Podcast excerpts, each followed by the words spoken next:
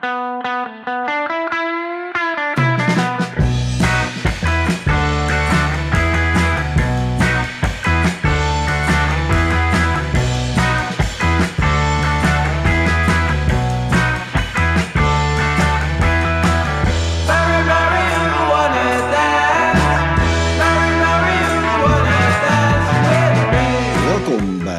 met Dirk en Rens, een podcast over cannabis en alles wat met deze wonderschone en wonderbaarlijke plant te maken heeft. Mijn naam is Dirk Bergman. En mijn naam is Rens Hoppenbrouwers. Deze aflevering wordt mede mogelijk gemaakt door Biotaps, organische plantenvoeding voor thuiskwekers, verkrijgbaar op www.biotaps.nl. De lente is in aantocht, net als het buitenwietseizoen. Dus deze 56e aflevering van de Tea podcast is een buitenwiet special met een bijzondere en zeer deskundige gast op dit gebied.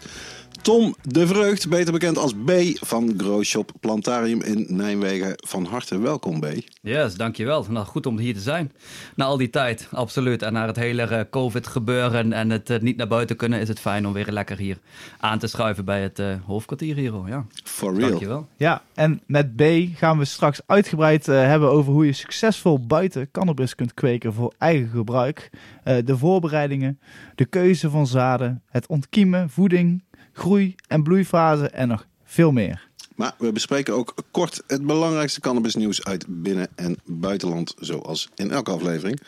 Met helaas slecht nieuws over de gezondheid van mijn grote vriend en medestrijder Doede, de jong die hard achteruit gaat. En een levensteken van wietpionier en potvader Bernard Bruining, die eh, bijna twee maanden in coma blijkt te hebben gelegen. Tja, echt eh, ongelooflijk. En ehm, ja, we bespreken het nieuwe Leafly Jobs rapport over het aantal banen in de legale Amerikaanse cannabisindustrie en Enkot, die een nieuwe voorzitter heeft. Natuurlijk kun je ook luisteren naar onze vaste rubrieken Wat zit er in je joint vandaag? De oude doos, het High Tea podcast kweekhoekje en de reacties van luisteraars. Oh ja, en nog niet te vergeten de wijze woorden van Dirk. Dit is Tea met Dirk en Rens, aflevering 56. Mensen, 56 allemaal. Ja, en eh, zoals altijd beginnen we met de rubriek Wat zit er in je joint vandaag?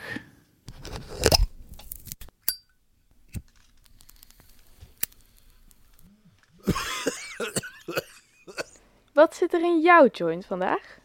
Ja, en traditiegetrouw eh, gaat die vraag altijd het eerste stuk naar eh, onze gast. Dus eh, B, ik zie, jij hebt niks in je handen. ik heb Hoe zit helemaal dat? niks in mijn handen. Nee, dat klopt helemaal. Nee, in principe als het gaat om cannabis consumeren, zoals ik het heel graag noem, ben ik niet meer echt een roker. Ik rook, rookte eigenlijk al sinds mijn 14e, 15e of something. Ehm, alleen wat ik afgelopen jaar een beetje merk, is dat het, ja, mij niet meer altijd echt dient. In plaats van dat het een patroon was zoals het eerder was. Dus voor mij, ja, roken van cannabis heeft voor mij niet echt veel zin meer. Ik merk dat ik me er niet fijner door voel, gelukkiger door voel, gefocuster door voel. Maar dat het me een beetje afleidt van bepaalde dingen. Dus dat eigenlijk hoe het voor mij op dit moment is, is dat ik een beetje probeer te honoreren waar ik echt zin in heb. En dat betekent voor mij gewoon, heb ik nu zin om een jointje te roken, ja of nee? En als het antwoord daarop ja is, dan rook ik dat jointje. En als het Ah, antwoord daarop nee is, dan eigenlijk niet. Maar wat ik wel doe de afgelopen tijd, en dat werkt voor mij echt heel goed, is topicale zalfjes. Dus vanochtend ook. Nice. Ik maak me eigenlijk mijn eigen zalfjes van coconut extracties met soorten erin. En die smeer ik op mijn huid. Mhm. Toevallig vanochtend wat, ja, wat warmteallergie op mijn huid, wat zalfjes erover. En ik kwam hier een klein beetje mellow aan. dus ik ben heel blij met je bakje koffie op dit moment.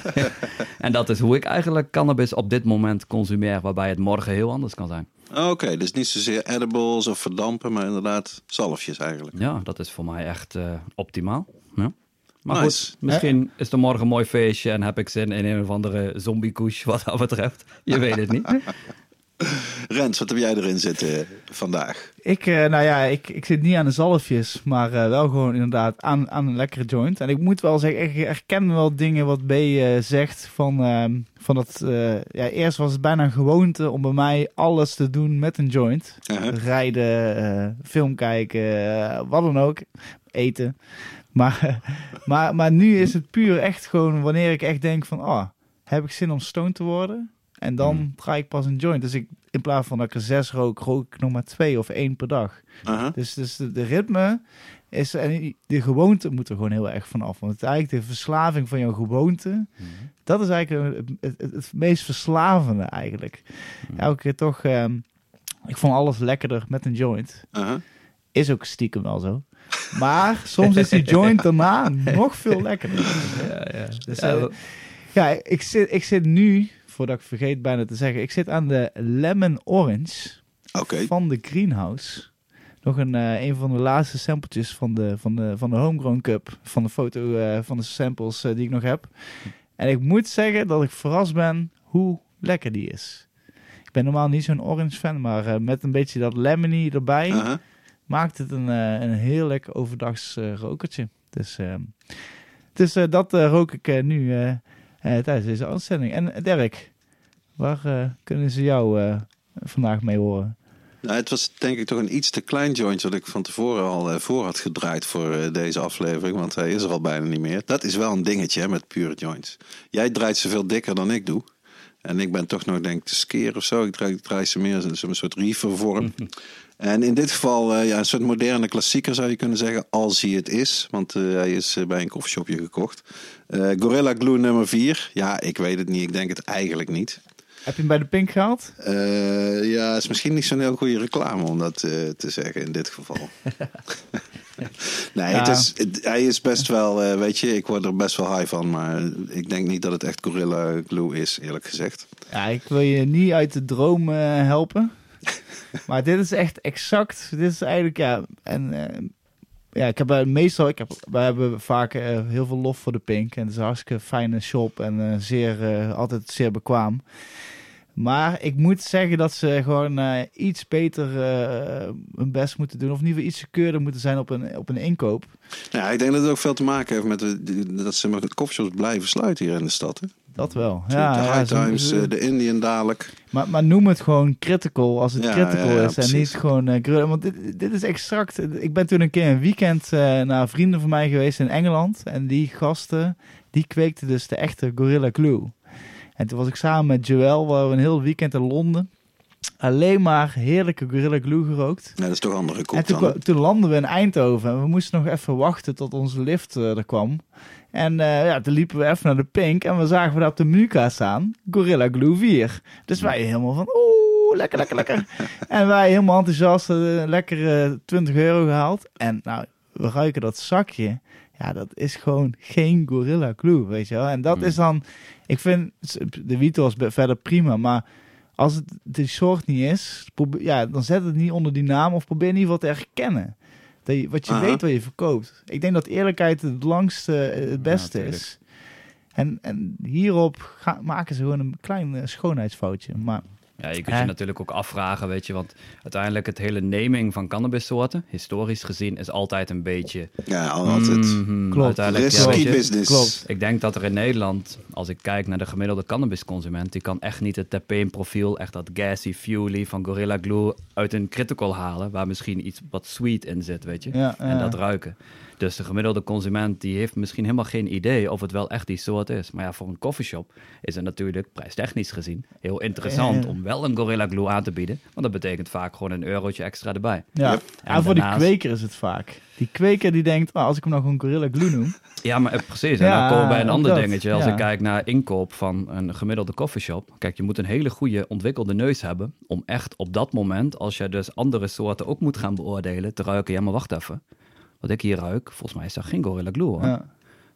En dat, dat gegeven, de skills van de inkoper, Mm. denk dat we hier in Nederland nog een aantal stapjes te zetten hebben daarin. Mm, Ja, nou, kijk, ik, ik moet zeggen, bij Gorilla Glue denk ik altijd gewoon aan, de aan de geur van, een, eh, van zo'n koker waar eh, eh, tennisballen in Ja, hebben ja, ja, zitten. ja, ja, dat vind ik wel herkenbaar. Dat is echt de geur van Gorilla Glue. En als je dat niet ruikt, dan weet je gewoon al eigenlijk, eh, dit is geen Gorilla Glue. Ja. Dus eh, voor de mensen thuis, probeer Altijd het thuis. een handige tip. Ik, eh, ik, eh, laten, we, laten we naar het nieuws gaan. Genoeg Yep. te melden in ieder geval.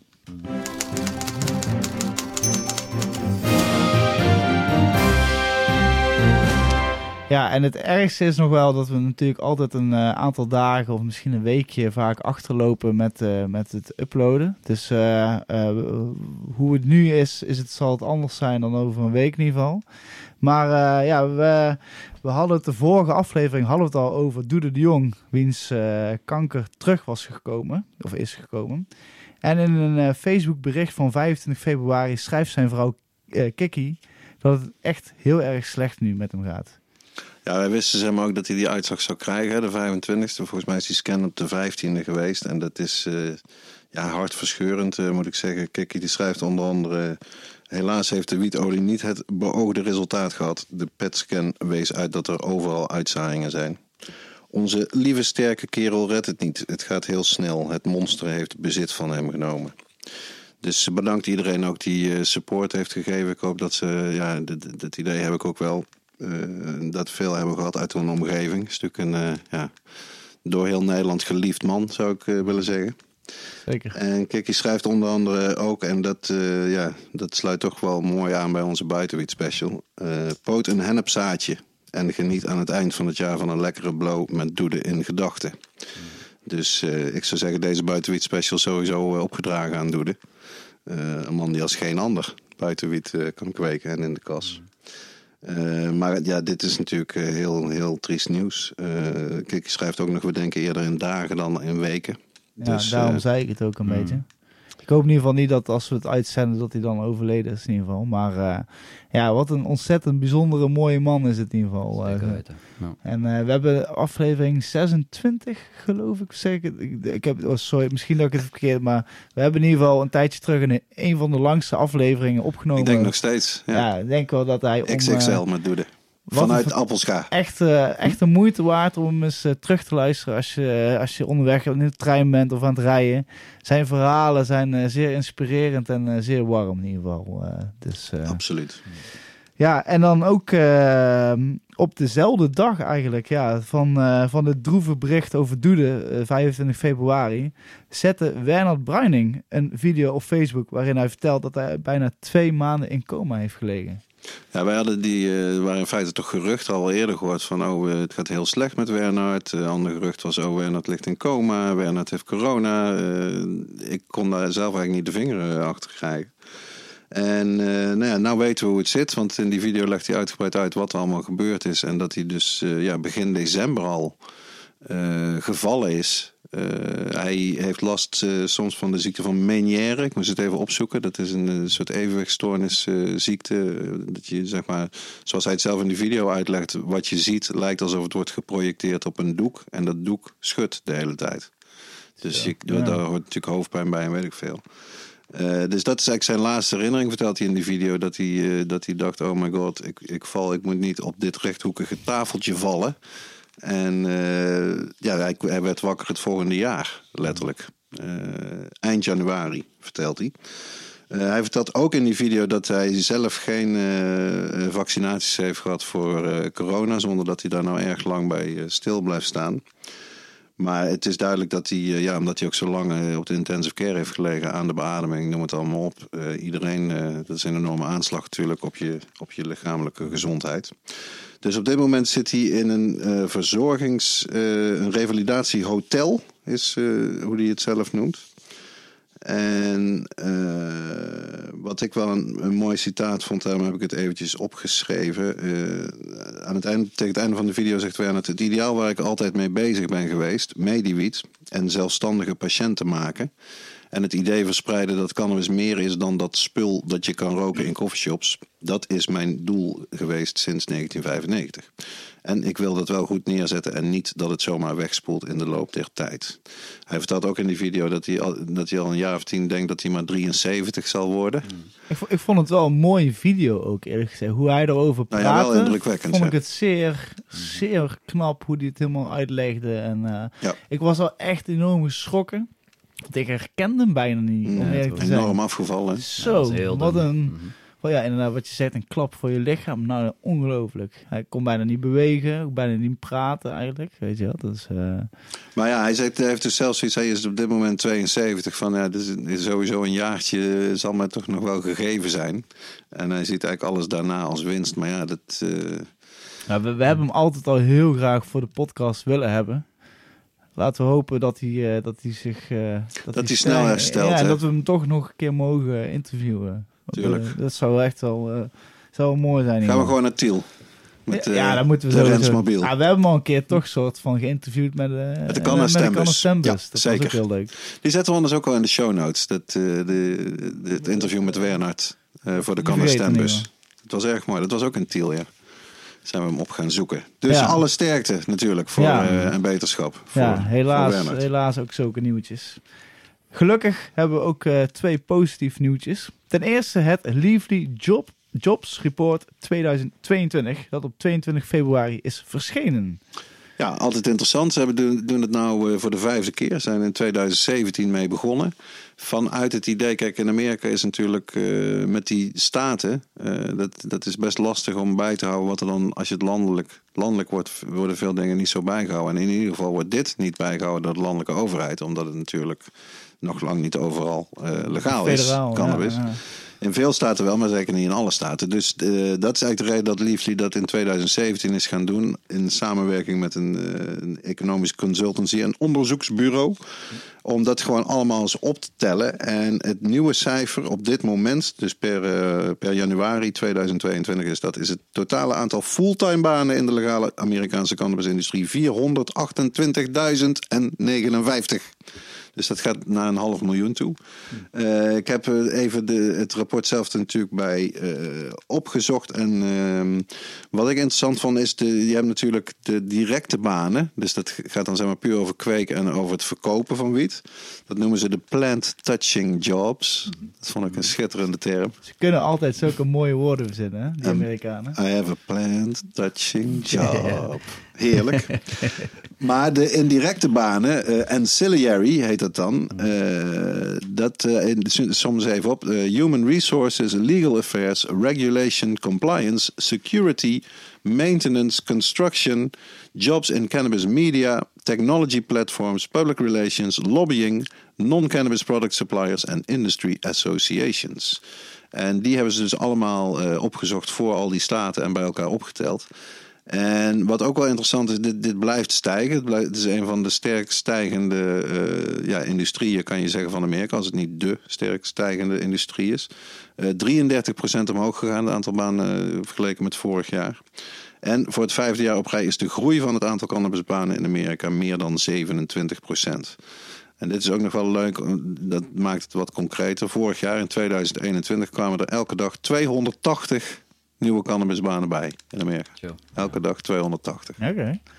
Lijkt me ook wel grappig om eens eh, voor Nederland dat zulke statistieken Ja, is te- zeker. Dat is echt iets wat bijvoorbeeld ook coffeeshopbonden of, eh, maar ook wel politieke partijen gewoon eens op zich zouden kunnen nemen. Of eh, universiteiten met economische faculteiten. Denk aan de Erasmus Universiteit.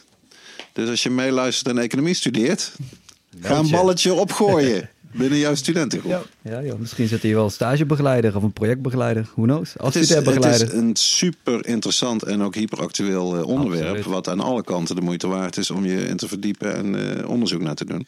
Dus eh, we zetten natuurlijk de link naar de Leafly Jobs Report 2022 in de show notes. Dan zie je hoe je dat kan doen. Yes, yes. En dan alweer het laatste nieuwtje voordat we beginnen met de Buitenwiet Special. Enkelt heeft een nieuwe voorzitter. Voor de mensen die deze organisatie niet kennen, wat is Enkelt? Precies. Wat is Enkelt? Nou, ik hoop en verwacht dat een, in ieder geval een flink deel van onze vaste luisteraars wel weet wat Enkelt is. Het staat in het Nederlands voor de Europese Coalitie voor Rechtvaardig en Effectief Drugsbeleid. Eh, al opgericht in eh, 1993 door eh, onder andere Joep Omen. Die ook alweer eh, bijna zes jaar eh, overleden is, realiseerde ik me. Eh, maart, hè, het is nu maart. Dat was maart 2016 eh, geweest. Hij was eigenlijk wel echt Mr. Enkelt, zou je kunnen zeggen. De grote bezieler die jarenlang de kar heeft getrokken. En je zag dan ook helaas, helaas, maar niet heel erg onverwacht... dat na zijn overlijden heeft het een hele tijd gekost... voordat Enkelt weer een beetje boven Jan was, om zo maar eens te zeggen. Eh, want ja, de, de oude inspirator wordt nodig gemist. Het is zelfs zo geweest, dat heb ik niet van dichtbij meegemaakt. eh, want ik ben wel al heel lang eh, lid van Enkelt. En Stichting VOC is ook als NGO, Nederlandse NGO, lid van Enkelt. Maar er is zelfs in, in korte tijd gelukkig een Nederlandse voorzitter geweest. En ik, ja, ik ken toch verdomd veel mensen in de Nederlandse cannabiswereld. Deze keer had ik nooit van gehoord. En die schijnt het ook waanzinnig slecht gedaan te hebben. Eh, die is van het toneel verdwenen en daarvoor in de plaats is gekomen eh, niemand minder dan, zou ik willen zeggen, eh dokter Fabian Steinmetz uit Duitsland. Hij is een toxicoloog. Voor de mensen die op Twitter zitten, Doc Steinmetz. We zetten hem ook wel in de show notes. Een heel interessante kerel die al actief was een tijdje voor diverse NGO's in Duitsland, waaronder de Schildauer Kreis. Dat is een expertnetwerk voor legalisering. En eh LEAP Duitsland, Law Enforcement Against Prohibition. Eh, dus eh, ja, hij is een, eh, een hele slimme man, weet veel van het onderwerp, ook als toxicoloog. Duitsland is natuurlijk ja, het land op dit moment als het gaat over cannabisactivisme en hervorming in Europa. Eh, hij heeft gestudeerd in Liverpool, dus eh, zijn Engels is ook erg goed. Wat niet altijd zo is bij Duitsers, laat ik het zo zeggen. Dus ik, ja, ik vond het heel erg goed nieuws. En ik eh, hoop en verwacht dat het daardoor ja, weer nog beter zal gaan met Enkelt. Want ja, we hebben daar eh, behoefte aan natuurlijk. Aan ook Europese organisaties die zich in Brussel en bij de VN met name inzetten voor beter cannabisbeleid en beter drugsbeleid in het algemeen. Eh, op dit moment, dat is misschien wel aardig om te noemen, dan zie je ook hoe echt internationaal die organisatie is. Bestaat het bestuur van Enkelt eh, los van Fabian uit eh, Gabrielle Kozar uit Oostenrijk, Maja Kohek uit Slovenië, die op dit moment in Amsterdam woont. Ze was nog bij de laatste VOC-vergadering, erg leuk. Enrico Fletser uit Italië, die ik ook al jaren ken. Anna Afuera uit Spanje. Die wij waarschijnlijk ook weer in eh, Barcelona gaan zien eh, tijdens Spannabis deze maand. En Farid uit Frankrijk. Farid Gahiwesh is volgens mij zijn achternaam. Maar dat is altijd erg moeilijk uit te spreken. Van eh, Algerijnse origine. En ook al heel lang een strijder voor, voor legalisering van cannabis. Dus ja, check hun website www.enkelt.org. En zeker als je op Europees niveau zou willen inzetten. Altijd nood aan, aan goede mensen. Yes. Tot zover het nieuws. En dan is het tijd voor onze buitenwiet. Of eh, buitenkweek special. Ja, precies. Eh, we hebben natuurlijk in de vorige aflevering voor het eerst een nieuwe rubriek gehad. Het High podcast buiten eh, kweekhoekje. En dit is eigenlijk, in feite is dit gewoon een kweekhoekje XXXXL. Dus ik zou zeggen, knal die jingle er maar meteen in, Simon. Het High podcast Kweekhoekje. Ja, je hoort, je hoort die vogels al een beetje zo. eh zover zijn we inmiddels gekomen. Hè? Ze zijn lekker aan het eh, kwinkeleren. Eh, we hebben al zonnige dagen natuurlijk ook gehad eh, afgelopen week. Net als in een liedje van, van Nederwiet van Doe maar. We beginnen bij het zaad. Dat is misschien wel het meest logische, toch? Of, wat zou jij, waar moet je op letten, B- B, als je, als je buiten wil gaan kweken? En je, Kunnen we niet, zullen we niet eerst eventjes, voordat we echt aan de buiten, even een kleine introductie. Een van kleine wie introductie? we hier natuurlijk... eh, Ja, ik denk die man is zo'n legend. Iedereen weet Nou, wie nou, dat is. nou, laten we nederig blijven, mensen, alsjeblieft. Hoeveel, hoeveel duizenden mensen heb jij, wel niet, heb jij wel niet aan het kweken gekregen, B, vanuit Nou, ik eh, het hoofdkwartier in Nijmegen? Nee, even een stapje terug. Ik ben eh, in principe acht of tien jaar inmiddels. Ik ben niet zo goed in tijd. Mijn dagen verstrijken gewoon, zoals het een beetje gaat. Ik probeer dat niet te veel bij te houden. Ik heb gewoon nog steeds een papieren agenda waar de leuke dingen in staan die ik doe. Eh, maar ja, ik ben acht tot tien jaar eigenlijk werkzaam bij Plantarium. Een cannabis expertisecentrum slash shop in Nijmegen. En wij helpen mensen om binnen het gedoogbeleid voor eigen gebruik ehm, cannabis te kweken. En dat kan gewoon zijn recreatief als jij gewoon niet naar de koffieshop wil en je wil je eigen soortje opgroeien, buiten of binnen onder een LED of een HPS-lamp of whatever. Of jij zegt van hé, hey, ik gebruik cannabis met de medicinale toepassing en ik merk dat het voor mij heel erg helpt, dan zijn wij er ook om je daarin te ondersteunen in de reis daar naartoe. Ehm, met betrekking tot ja, een product wat jou echt van je klachten helpt of het vermindert of wat dan ook. En dat doen we al, eh, ja, al een flink aantal jaren. Ja, het is denk ik een van de langst bestaande grow shops. Hè. Je hebt Organic Earth natuurlijk in Mhm. Maastricht. En ik denk dat jullie ja, bijna zo lang ook bestaan. Hè? Meer dat- dan 25 jaar. Ja, het, lastige is met dit soort dingen, wat is de startdatum, weet je? Oké. En ik ben helemaal niet hier om, ehm, en dat, ik heb daar ook een beetje een hekel aan gekregen afgelopen tijd, om te zeggen, oh wij zijn de beste, wij zijn de ja. Wij, weet je, ik denk dat wat wij nodig hebben in de cannabisindustrie juist wat meer openheid en samenwerking is. Ook omdat we het met z'n allen moeten doen. Maar ja, het feit is, we bestaan heel lang. Organic Earth is ook een geweldige winkel, bestaat ook al heel lang. En ik denk dat we met z'n allen gewoon ons ook wat meer mogen en moeten focussen op mensen die gewoon zelf cannabis gebruiken en dat willen groeien. En ook weer het stukje kennis vanuit de US, Israël, Canada weer overbrengen naar Nederland Ja, toe. terug. En dat, ja, dat is wel Ja. eh, heel, heel maf natuurlijk dat en het daar nodig ben is. ik vooral eigenlijk een beetje mee bezig. Om ook gewoon te zorgen dat, ja, dat bepaalde dingen die we al jaren doen, die worden in het buitenland niet meer gedaan. En dat ik denk van ja, volgens mij is het wel goed om met elkaar ook weer een doorgeefluik te zijn van die Mhm. kennis. En daar proberen wij zo goed en kwaad als dat wij dat kunnen mensen in te ondersteunen. Ja. Als het maar wel gewoon kleinschalig en voor hun eigen gebruik is. En ja, mensen met ehm, één of twee of meer lampen, die gaan we gewoon niet helpen. Dat zijn we heel kritisch en fundamenteel. En ook omdat we twee rechtszaken daarvoor hebben moeten voeren. Ehm, en die hebben we allebei gewonnen. Ja. Want jullie, jullie hebben wel echt de klappen gehad toen, eh, met, met, Hmm. toen de Grow Shop werd. eh, toen, eh, ja, toen hadden ze, was, was het bij jullie met die grinders? Dat Ja, het daar de cannabis, hoe noemen ze het? Knipmachines. Knipmachines. Ja, het waren hele... Honderden knipmachines hadden ze in beslag genomen, maar er waren dus gewoon grinders. Ja, of ja, Ja. wat, wat, wat Ja, weet je, voor, mij, voor mijzelf en dat die periode zijn we voorbij. Ja. Natuurlijk was het een klap. Ehm, tegelijkertijd probeer ik alles een beetje vanuit een overzicht te bekijken. Kijk, wij als Nederland hebben dit gewoon nodig. Want de stap die wij dienen te zetten is die gewoon van associatie. Van hoe wij denken over het product cannabis. Gaan wij nog denken dat het een drugs is die echt in een verdomhoekje moet zitten en die we moeten bestrijden? Of gaan we het gewoon zien wat het was voor 1937? Namelijk iets wat de maatschappij kan dienen, zolang we er maar goed mee omgaan. Dus ik denk, ook al is het heel tragisch en heel vervelend en krijg je die klappen, is het wel belangrijk dat die klappen er komen, zodat mensen daar ook over na gaan denken. En zo Nou ja, ik, moet, ik moet wel zeggen, eh, de tijd die we achter de rug hebben, hopelijk met corona en met allerlei complottheorieën, allerlei mensen die ineens allerlei dingen geloven waar, waar ik mijn wenkbrauwen dan bij optrek, eh, moet ik zeggen dat toen Plantarium werd vrijgesproken op alle fronten, zeg maar, en de rechter dus ook heel duidelijk zei, deze wet is niet bedoeld tegen wietkweken of tegen growshops. Deze wet gaat over grootschalig professioneel kweken van cannabis, wat niet mag. En deze mensen doen dat niet, want het gaat over kleinschalige teelt voor persoonlijk gebruik van die maximaal vijf planten.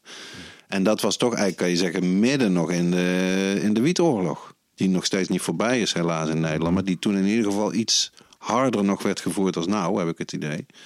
Dus kijk, dat zijn voor mij dan toch van die, eh zij het spaarzame momentjes. Dat ik denk, kijk, eh, de rechter is nog onafhankelijk. En eh, we zijn niet allemaal gek geworden. Absoluut. Want inderdaad, een winkel, en daar reken ik jullie onder, en inderdaad Organic Earth ook met nadruk, die gewoon altijd gaan voor die kleine kweker, die moeten gewoon kunnen bestaan. Die zijn inderdaad ontzettend belangrijk. We hadden net al eventjes natuurlijk bij, wat zit er in je joint vandaag over, heb je de soort die op het menu staat en die je, die je koopt.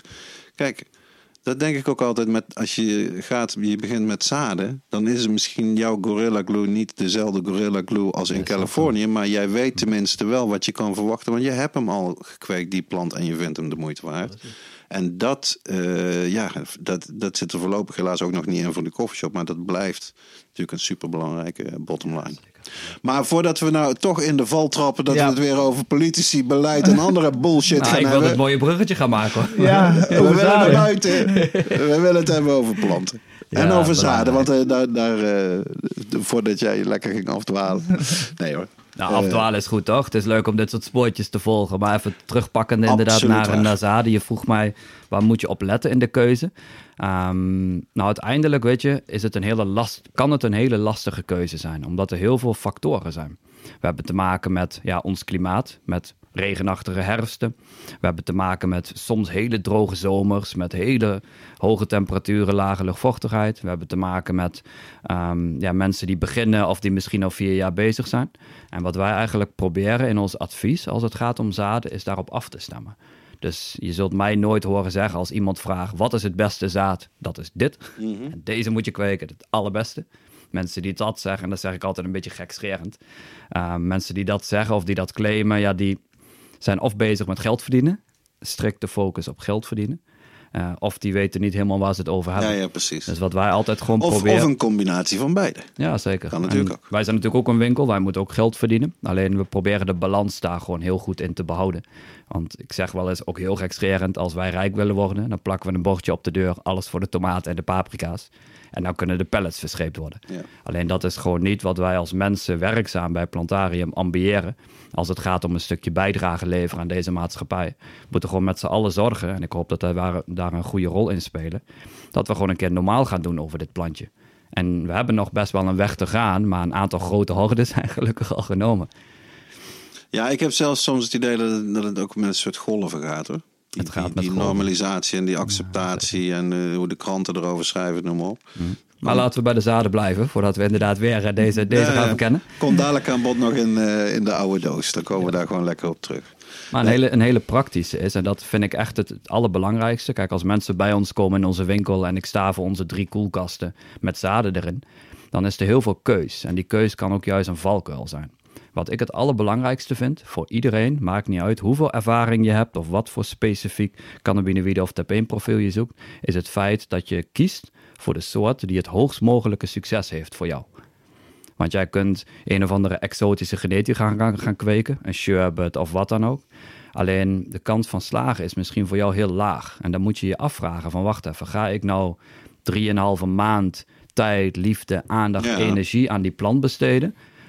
En is dat het waard ten opzichte van het mogelijke resultaat in Nederland? En dan zeg ik met nadruk in Nederland, want ja, elk jaar krijgen we mensen binnen die aan het einde in oktober komen van ja, maar help, mijn plant is nog niet klaar. en dan zeg ik eigenlijk als standaard, en meestal heb ik het best wel goed, is. Of Ja. kweek je een sativa dominante soort die Ja. gewoon 12 weken nodig heeft om af te bloeien. En dat is nog steeds een valkuil die ik zie. Alleen ik zie wel dat het een stuk minder is geworden de afgelopen tijd. En dat vind ik echt te gek. Dus heel concreet, eh, wij maken elk jaar een buitenzadenselectie Oké. van gewoon niet meer als 12 soorten in verschillende categorieën, verschillende terpeenprofielen, verschillende uitwerkingen, verschillende ja, moeilijkheidsgraden als je daarover wil spreken, om gewoon mensen wat meer richting te geven. En een, ja, vanuit ervaring en theorie, maar we kijken echt ook naar eh, de genetische historie van de soorten, in hoeverre die daadwerkelijk schimmelresistent zijn, in hoeverre die echt vroeg, vroeg bloeien, in hoeverre die gevoelig zijn voor lichtinval bijvoorbeeld en hermafroditisme. Mhm. Zal niet de eerste keer zijn dat een achtertuin een straatlantaarn aanstaat. Zeker weten. Geweldige plant gemaakt, episch, ziet er allemaal episch uit, druk geweest, getopt, bla bla bla. En vervolgens krijg je banaantjes of krijg je een hermafrodiet in je achtertuin. En dan baal je na twee maanden. Ja. Nou, misschien toch even. Eh, kan je dat uitleggen voor mensen die dat niet meteen weten? Een hermafrodiet en banaantjes. Wat, wat, wat gebeurt? Je hebt natuurlijk mannelijke en vrouwelijke planten, weten de meeste mensen wel. We gaan voor de vrouwtjes. Eh, dus als je, als je regulier, traditioneel zaad hebt, dan eh, moet je die mannetjes eruit halen. Want anders bevruchten ze de vrouwtjes. Maar wat, wat is hermafrodiet en wat zijn die banaantjes? Nou, hermafrodiet is eigenlijk een verschijnsel waarbij de plant tweeslachtig wordt. En dat betekent de meerderheid van de zaden tegenwoordig zijn niet zozeer regulier, maar zijn gefeminiseerd. Dus zijn behandeld met een zilvercolloidaal middel, waardoor ze een stressreactie oproepen, waardoor ze 99,9999% vrouwelijk zijn. En dat noemen ze gefeminiseerde zaden. En wat wij zien is dat gefeminiseerde zaden soms onder invloed van stressoren, dat kan warmte zijn, dat kan licht zijn, dat kan droogte zijn, dat kan overbewatering zijn, ehm hermafrodiet worden. En dat betekent zoveel als dat ze naast hun vrouwelijke bloem een mannelijke bloem produceren.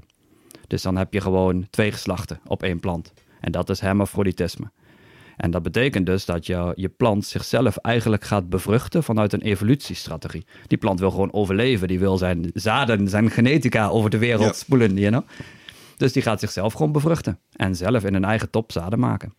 Banaantjes is ook een verschijnsel daarvan. Maar dat is eigenlijk meer een, ja, een specifieker hermafroditisch verschijnsel. En dat betekent dat er letterlijk een banaantje uit de top groeit. En in dat banaantje zit Ja, dat is Nou ook een ja, zakje een met... banaanvormig dingetje. Het is niet dat je die banaan eh, lekker Nee, op nee, nee. eten. Het is eh, geen eh, pijlbare gezonde vrucht. Je Maar kunt het wel ziet opeten, er, dat ook niet het ziet er inderdaad wel uit als een miniatuur banaantje. Dat klopt Yes. natuurlijk. Maar Ja. dat, la- dat laat toch wel zien hoe, hoe ontzettend geadvanceerd, eh, hoe lijp die plant is. Die, die gewoon in, in, in, Mm. in, in bijna elke situatie zichzelf nog kan voortplanten. Een Om te blijven plant. te overleven. Ja, absoluut. Absoluut. Ongelooflijk knap. Maar eh, dat is mijn inbreng. eh, van de... Nou, ik denk dat we het allemaal over eens zijn aan deze tafel, toch? Ja. Ja, joh. Laten we eventjes, want dat, ik denk dat dat misschien eh, goed is voor deze aflevering. Dat we toch een beetje richten op mensen die geen of bijna geen ervaring hebben. En die gewoon Mm. denken, dit jaar ga ik het gewoon misschien eens Ga een keer doen. doen. Een paar Mm. planten, waarom niet? Eh, Eh, dus wat minder ervaren. Is dan eigenlijk jouw advies om te zeggen, ga voor dezelfde soort. Dus ga voor één soort. Want ik vind het zelf altijd erg leuk om juist een paar verschillende te hebben. Ook vanuit wat je eerder zegt. Hè, overleven ze het wel? Redden ze het? Krijgen ze afgebloeid? Dus een paar die wat vroeger bloeien en een paar toch maar hees. In de hoop dat we een goede nazomer hebben en anders pech gehad. Maar dan heb ik nog andere. Maar, Zou jij zeggen begin met één of begin meteen met meerdere soorten? Ja, het is een beetje wat je wil. Want uiteindelijk de eerste vraag die ik stel aan mensen is van wat voor, wat voor uitwerking moet het voor jou hebben? En stel dat, begin ik even bij een stapje terug hè, en dan beantwoord ik je vraag. Ehm, dan gaan we eerst gewoon kijken van wil je ontspanning, wil je slapen? Of wil je een dagsoortje om lekker actief te blijven? En dan kijken we naar een bepaald terpeenprofiel. Verschillende terpeenprofielen hebben een bepaalde uitwerking. En dan kijken we naar cannabinoïdeprofiel, dus de motor, hoe krachtig de soort is en die uitwerking eigenlijk is. Dus iemand komt, die wil ontspannen. Dan gaan we kijken toch naar wat mensen traditioneel gesproken indica-dominante soorten noemen. Niet helemaal waar in deze tijd, maar laten we dat zijwerkje niet pakken. Ehm, dat zijn vaak gewoon soorten die een heel muskig, kruidig aroma hebben. Ja, en daardoor geschikter zijn voor ontspanning. En dan hebben we gewoon een aantal soorten die ja, mensen kunnen gebruiken. Maar als mensen, en dat vind ik wel een mooi iets eigenlijk. Ik, ik ja, ben dus ook, ook wel voorstander van verschillende potjes naar het einde van het seizoen. Dus dat je een potje hebt om lekker op te slapen. Dat je een potje hebt om Ja, een feestje op te hebben. Om op te gamen voor saaie verjaardagen. You know? Dat is eigenlijk je ideaal. eh. Ja, en dat is best wel te doen.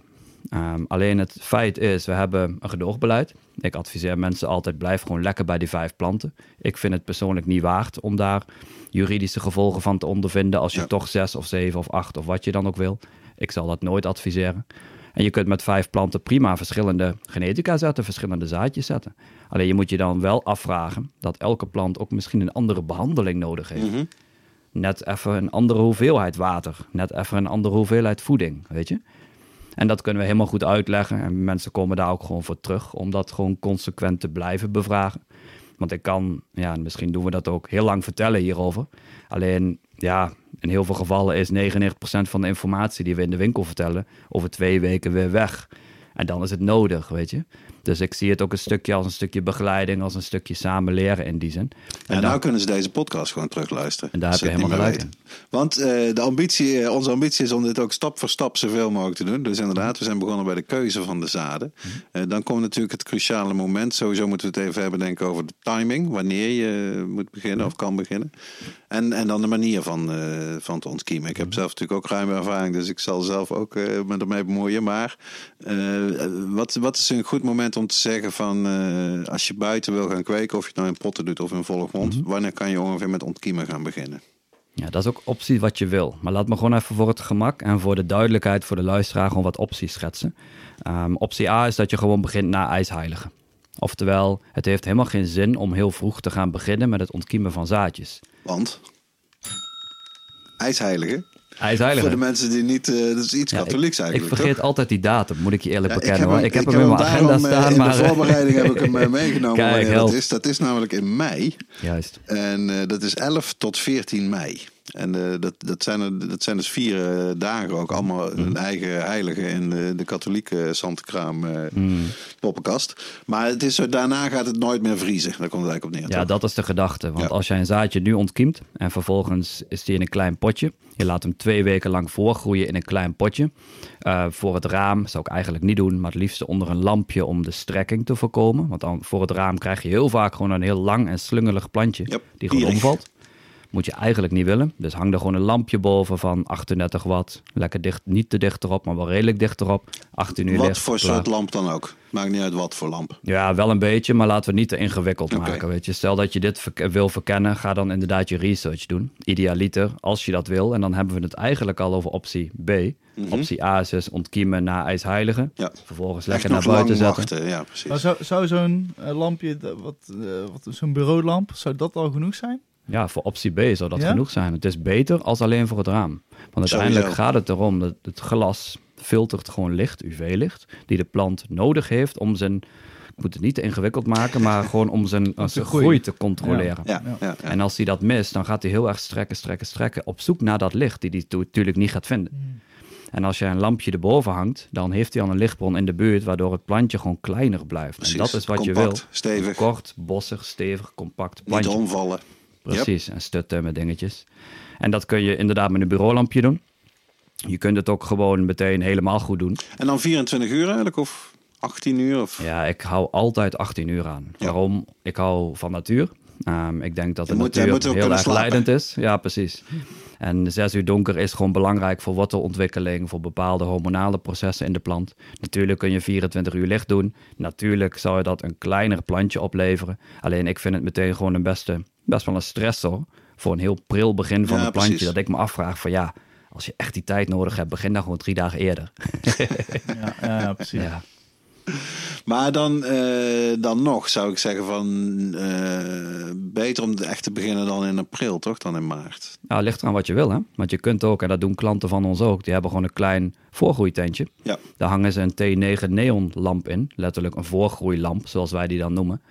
Die, een, die licht heeft in een blauwig spectrum. Aha. Door dat blauwig spectrum is de afstand tussen de vertakkingen blijft kleiner. De internodale afstand, zoals we dat dan noemen. En door dat licht heb je gewoon een, grotere kans op een heel klein, compact, bossig plantje. En dat is eigenlijk de perfecte start voor een plant die naar buiten toe gaat. En door dat licht kun je ook je plantje wat langer binnen voorgroeien. Mhm. Meestal is het zo dat onder een bureaulampje heeft een plant gewoon twee, misschien drie weken tijd. Heeft hij genoeg licht van dat lampje om nog te kunnen groeien. Maar op een gegeven moment wordt dat plantje zo groot dat hij meer licht nodig heeft. Ja. En het liefst een grotere pot. En als je dat niet provide, als je dat niet geeft, ja, dan krijg je gewoon achterstanden en gebreken. En op het moment dat je zegt van, hé, maar wacht even, ik wil niet twee weken voorgroeien, ik wil dat veel langer doen, want ik wil een veel grotere plant hebben die ik naar buiten zet, na ijsheilige. Ehm, dan zou je kunnen zeggen, ik koop een voorgroeitentje met een speciale voorgroeilamp. Ik zet, daar, ik zet ze daar meteen in een iets groter potje. En vervolgens kan ik misschien al een keertje toppen. Ja. En toppen betekent dat je de hoofdtop, of althans een tak, na de oksel eruit knipt. Waardoor de plant gewoon breder wordt en daardoor ook meer licht kan opvangen. Ja, hij gaat dan minder in de hoogte en meer in de breedte gooien. Ja. Wat een hele goede tactiek is, overigens, even een kleine tip tussendoor voor het buitenkweken. Waarom? Ik wil helemaal geen grote, dikke, compacte toppen buiten. Heel veel mensen ambiëren dat, maar ik heb zoiets, nee, dat wil ik helemaal niet. Daar komt maar schimmel in. Precies, en dat, Ja. is, dat is vaker gewoon een trouble. Ik wil liever gewoon kleinere topjes die allemaal mooi afgebloeid zijn, Ja. dan een dikke top waar gewoon schimmel in kan komen, omdat daar veel langer water in blijft hangen. Dus ik top buiten altijd een paar keer. Uitstekende tip. Ja. Uitstekende tip. Ja, want dit kan je natuurlijk niet blijven doen. Wat, wat, eh, hoe vaak Jawel. kan je... Toch wel, ja? Je kunt in principe op, na elke node, dus na elke vertakking, zou je de tak af kunnen knippen. En dan ontstaat er een splitsing. En dat kun je altijd doen. Alleen wat je moet beseffen is dat elke beschadiging die je doet aan de plant, die heeft, heeft de plant weer hersteltijd nodig. En, dus hersteltijd is een belangrijk ding, hè? als je je afvraagt van wanneer moet ik toppen of niet. Maar ook het stukje wat voor plant wil je creëren. Voor heel veel beginners is één, twee of misschien drie keer toppen meer als genoeg. Maar als jij zegt, ik wil mijn plant helemaal gaan vormen en ik ga op de pot een rek zetten om een heel groot en heel breed vierkante meters te creëren. Want Skroggen.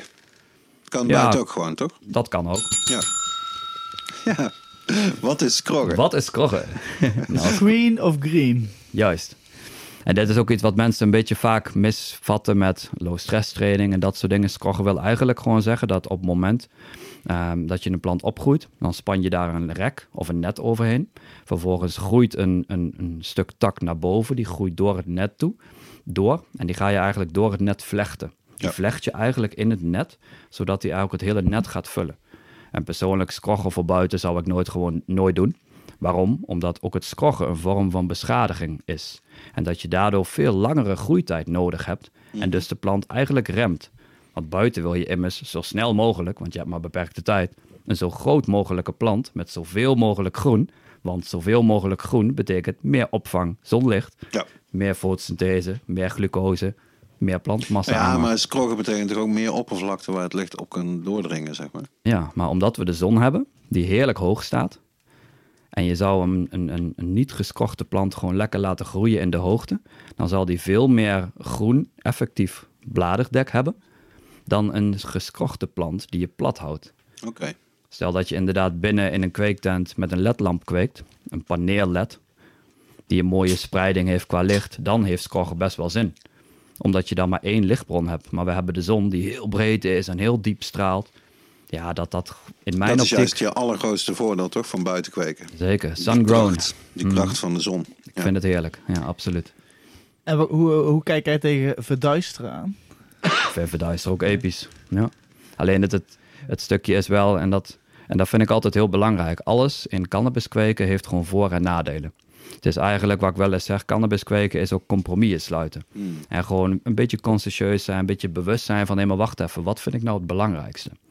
Met verduisteren, en ik zal zo de techniek uitleggen, kun je hele exotische soorten buiten in Nederland afbloeien. Want verduisteren wil niks anders zeggen als dat je eigenlijk de lichtcyclus van de plant gaat onderbreken, gaat verkorten. Terwijl het buiten nog gewoon lekker 20, 18 uur licht is. Dus je kunt daardoor veel eerder in het seizoen je plant structureel elke dag in het donker zetten. En omdat je dat structureel elke dag doet, zeg je eigenlijk tegen de plant: hey, het is nu tijd om te gaan bloeien. Het is herfst. Ja, of althans, het is midden augustus. Ja, einde zomer. Ja. Ja, precies. En daardoor kun je ook planten met een hele lange bloeitijd al in de bloei zetten, om vervolgens ook af te kunnen bloeien met verduisteren. Het enige nadeel van verduisteren is gewoon waar mensen niet echt over nadenken, is de plek waar ze het zetten. Stel dat ik een mooi kastje maak en helemaal dicht maakt met folie en het is super dicht daarin en mijn planten passen daar net in, dan lijkt dat in theorie heel mooi. Alleen het probleem is dat elk blad verdampt water. Dat is hoe een plat, plant water drinkt door verdamping uit het blad. En die, dat water kan nergens naartoe. Dus in jouw kleine kastje die jij mooi zelf getimmerd hebt buiten en die lichtdicht en luchtdicht is, verzamelt zich zoveel vocht dat daar meeldauw of schimmel kan ontstaan. Yep. Dus op het moment dat je verduistert, wil je dat eigenlijk gewoon doen in of een grote schuur met letterlijk veel volume. Of je wil een kastje maken met een, een afzuigertje erin, zodat de lucht continu wordt ververst. En dan komen we weer bij het stukje compromissen. Dan denk ik van ja, maar wacht even. Al die moeite voor Ja, een bepaalde precies. exotische genetica. Tegenwoordig zijn er veel mooiere oplossingen voor. Voor de puristen niet altijd overigens. Maar dat is gewoon de autoflowe varianten of de fast versions die nou helemaal, helemaal Oké hip mensen, zijn. we gaan nog steeds uit van die beginner. Auto, auto, leg even uit. Nou, een autoflower is eigenlijk een automatic. En dat betekent, heel veel mensen verwarren dat een beetje, maar heel veel mensen zeggen dat het een plant is die automatisch in de bloei gaat. Oftewel, ongeacht het aantal ehm, eh, donkere uren. Want een plant stopt met het aanmaken van groeihormoon op het moment dat hij een aantal uren donker krijgt. Niet zozeer licht, maar donker. Dan gaat hij in de bloei. Letterlijk het stoppen met dat hormoon bloeien. Wat een autoflower eigenlijk doet, ehm, is dat deze plant gaat bloeien op het moment dat hij de volwassenheid heeft bereikt.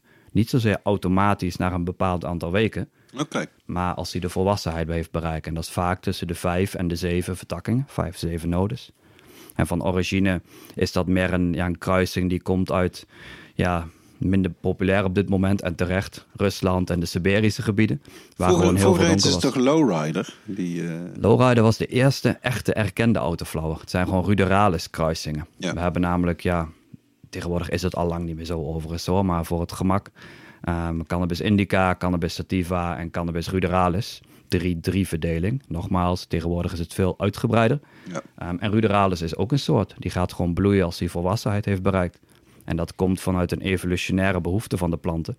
Die gewoon denken dat hoe hoger ze worden, dus hoe hoger de plant is, hoe meer wind ze vangen. Hoe meer wind een plant vangt, hoe makkelijker en hoe verder die zijn pollen kan verspreiden en zijn Precies, zaden kan ja. verspreiden.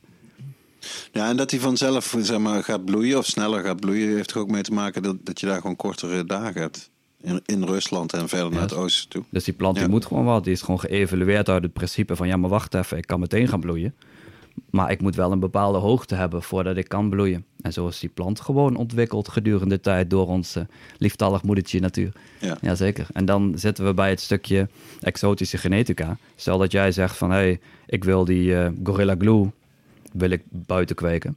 Ik zou het een heel dom idee vinden om dat gewoon de nummer 4 buiten te gaan zetten. Want dat Ja. gaat mm, voor de meerderheid van onze mensen, de allergrote meerderheid, gewoon niet lukken. Ja. Uh, maar je kunt wel een autoflower daarvan zetten. En dat betekent gewoon dat, die, dat die genetica die jij zoekt, gekruist is met de ruderalis of een lowrider in heel veel gevallen overigens. Uh, en door die autoflower variant kun je heel vroeg in het seizoen beginnen. Want hij gaat automatisch tussen aanhalingstekens bloeien. Oftewel, je moet dan eigenlijk zorgen dat je het ontkiemen en het opkweken zo timed Mhm. dat hij in de zomer aan het bloeien is. Ja. En lekker klaar is begin september. Waardoor jij ook jouw exotische genetica in autoflower variant in je potje kan stoppen aan het eind van het seizoen. Je kan zelfs nog een stapje verder gaan en denken van ja, maar wacht even. Die autoflower die heeft gewoon een, een cyclus, die staat redelijk vast. Ik zou zelfs twee rondes van vijf autoflowers, Kan je net halen. Ja. Je kunt zelfs drie halen als je dat zou willen. En het een beetje timed. Hoe dan? Ja, dat vereist een beetje planning. dat vereist een beetje planning. En inzicht. En ook nogmaals met dit.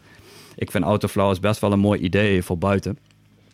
Omdat ja, ik hou ook gewoon van heel andere terpeen profielen als dat gebruikelijk eigenlijk is. Toen ik nog gewoon echt cannabis rookte. Dan buitenwietjes dat deden. En die zijn er ook wel. Er zijn heel mooie, tegenwoordig hele mooie kruisingen. Waar we ook echt actief mee experimenteren. Om ook die te weten dat ze ook echt geschikt zijn voor Nederland. Maar autoflowers voor buiten is, vind, ik echt, eh, vind ik echt te gek. Maar zorg er wel voor dat je een goede autoflower hebt. Die, en dat is ook mijn tip, ehm, die niet te nieuw is. Waarom zeg ik dat? Uiteindelijk hebben zaden gewoon tijd nodig om goed uit te veredelen. Want wat je wil is van jouw vijf zaadjes ongeveer vijf dezelfde planten. En niet allemaal afwijkingen daarin. En op het moment dat bijvoorbeeld, een heel simpel voorbeeld, eh, de runst van afgelopen jaar, die komt op een gegeven moment in kloonvorm naar een zadenbedrijf. Die kruisen hem door, even heel simpel hè. Die kruisen hem door, maar geven het vaak niet de tijd om echt goed stabiel te worden. Terug te kruisen, stabiel te worden, terug te kruisen, stabiel te worden. En doordat ze daar niet de tijd voor nemen, eh, kopen mensen die zaadjes. Want ieder bedrijf wil commercieel gezien de eerste zijn met die soort, weet je. Marketing heel interessant. Alleen heel veel bedrijven nemen daar gewoon niet de tijd voor. Waardoor je inderdaad van die vijf zaadjes, de ene is heel hoog, heeft meer een sativa dominant-achtig terpeenprofiel, drinkt heel veel. En de andere blijft heel klein en is juist weer een slaapverwekker. Terwijl het dezelfde soort is, zeggen mensen dan. Dus om het eigenlijk wat veilig te houden, risico's eh, minimaal te houden, eh, als weinig ervaren eh, thuiskweker zou je moeten gaan voor soort klassieke soorten. En dus eigenlijk ook klassiekers voor Nederland. Of Nou, dat, ik denk dat je dat heel goed samenstomt. En je mag best wel wat exceptionele dingen hebben. Hè? Maar het gaat er gewoon om als je ziet dat bepaalde soorten vorig jaar een beetje hip zijn geworden. En je hebt nog niet zo heel veel ervaring, vermijd dat dan. ja, Je precies. kunt prima een Gorilla Scout-achtige kruising buiten zetten. Die zijn er inmiddels al, weet je. Of dieselgenetica of fuelie gassy genetica, dat kan allemaal. Maar zo, kijk gewoon heel even wanneer ze gereleased zijn. Dat is wel echt de tip. Lijkt me een goeie. Ja, zeker. En troubleshooting. Is dat een goeie om, om even over na te... Dat is altijd wel een goed, goed dingetje. Nee, ik zelf, eh, als mensen, men- mensen vragen mij ook wel eens, eh, geef je kweektips of weet ik veel wat, je doet het al zo lang. En mijn eh, overtreffende de kweektip aller kweektips is altijd, kijk naar je planten. Mm. En als je op aarde kweekt, wat ik toch eigenlijk altijd wel doe, eh, kijk ook naar je aarde en voel eraan, weet je wel. En dat is mijn ervaring, dat je daar, eh, als je er tijd in stopt, dan leer je ook redelijk snel eh, welke informatie die plant eigenlijk geeft. Door inderdaad de bladeren gaan hangen, eh, de bladeren gaan verbranden aan de puntjes. Je, ik zie op een gegeven moment eigenlijk al of die plant eh, water nodig heeft of niet. Door ook gewoon te kijken naar de kleur van de aarde en meer dat soort dingen. Eh, maar ja, dat is het belangrijkste van troubleshooting. En wat, wat beestjes en schimmeltjes en die dingen betreft, is dat nog veel extremer. Want dan moet je ook eigenlijk gewoon, kijk dan ook in die periode dat de plant daar vatbaar voor is, echt onder het blad, weet je wel. Dan is het echt niet genoeg om eventjes een snelle blik te werpen. Ja, dat kan, maar dan ben je er dus meestal eh, te laat bij. Komen ze vaak eh, bij jullie binnen met een eh, blaadje? Elke dag. Ja, dat, en dat is ook wat, we, wat ik graag wil en wat, wat ook het belangrijkste is, weet je. Even een stapje terug. Ik ben niet de guy die claimt alles te weten. Ook al zijn we hier al zo lang mee bezig, ik leer elke dag nog nieuwe dingen. En ik denk dat dat ook heel belangrijk is, weet je, om open te staan voor nieuwe informatie. zeker, en ook de wetenschappelijke, biologische kant daarvan, wat ik al jaren echt interessant vind. Want dat is waarop je goede keuzes kan maken. Waarom zeg ik dat? Omdat heel vaak troubleshooting is geen kausaal dingetje. Het is niet zo dat je iets ziet en dat ligt aan dat. Het is altijd een optelsom van verschillende factoren. Laten we het heel praktisch maken. Planten zijn net mensen. Zeg maar. Ja, ja, maar wij mensen, op het moment dat je het overzicht niet hebt, dan ga je denken dat reden A eh, oorzaak is van probleem A. Terwijl het helemaal niet reden A is, maar reden D. Weet je? Heel simpel gezegd, ehm, elk jaar zijn er mensen die in week drie van de bloei langskomen met eh, geel wordende blaadjes aan de onderkant. En dan is het de vraag, wat is het? En dan is er op een forum of op internet gelezen, ja, dat is een stikstofgebrek. Je moet meer stikstof gaan geven een heel, ik snap hem wel, weet je, maar om even wat diepgang te geven, een heel beperkte gedachtegang eigenlijk. Terwijl het heel veel redenen kan hebben dat dat blad geel wordt. Want inderdaad, het is een afbraakmechanisme. Een blad wordt geel omdat hij zijn, eigenlijk zijn opgebouwde voedingsstoffen uit het blad haalt. Zijn chlorofiel, zijn bladgroen, om als energie te gebruiken. En dat kan heel vaak zijn dat een plant bijvoorbeeld niet kan verdampen omdat het geen goede temperatuur of eh, luchtvochtigheid is. En als een plant niet kan verdampen, kan een plant geen water door zijn stomata's, door zijn huidmondjes persen, waardoor een plant ook niet kan drinken. En als een plant niet kan drinken, kan die dus ook geen voedingsstoffen opnemen. Dus dan zie je dat het niet zozeer een stikstoftekort is. En ik moet meer en meer stikstof gaan geven. Er wordt alleen maar erger van, toch? Ja, maar dat het gewoon iets heel anders is. En ik denk, als het dan gaat om troubleshooting, is het heel belangrijk om gewoon die stappen ook te gaan doen. En ik zeg wel eens heel gek, gekscherend ook als tip voor mensen die luisteren.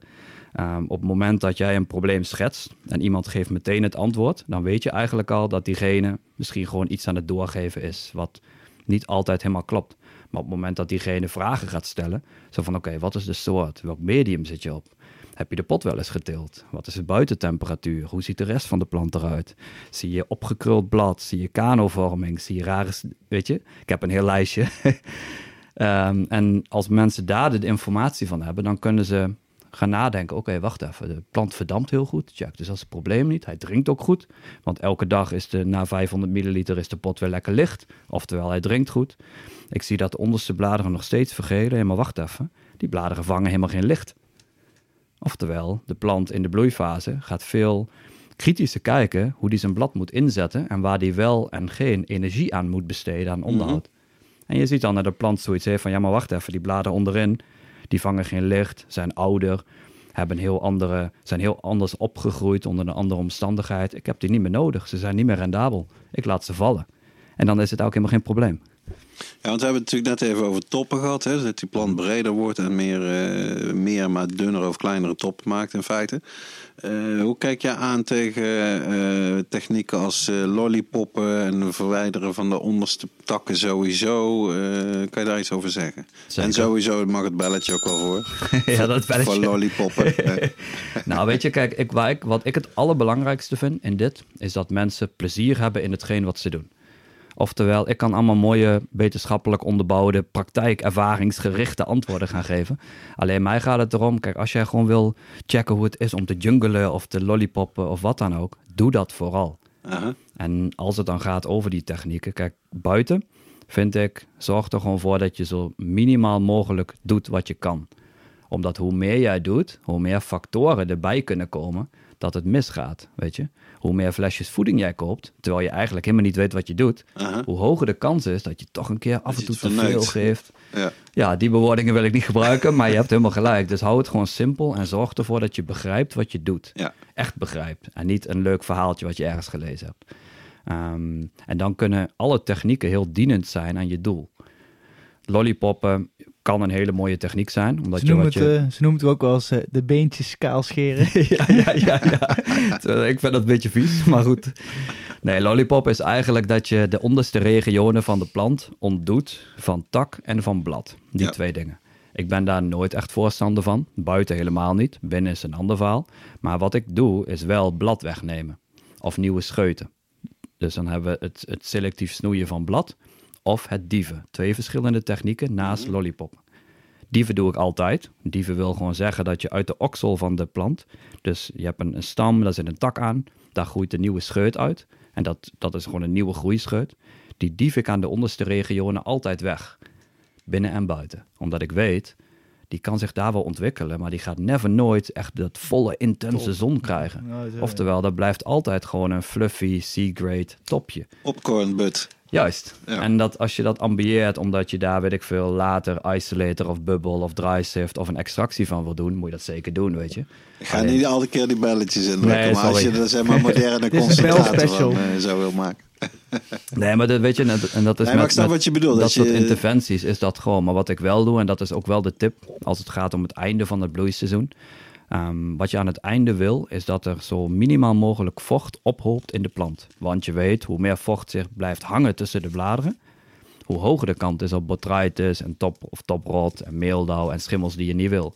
Oftewel aan het einde van de bloeifase, de laatste week, ga ik altijd iets meer blad wegnemen, zodat en licht beter in de plant kan komen en er meer lucht door de plant kan gaan. Want meer luchtcirculatie in de plant betekent automatisch Droger. Ja.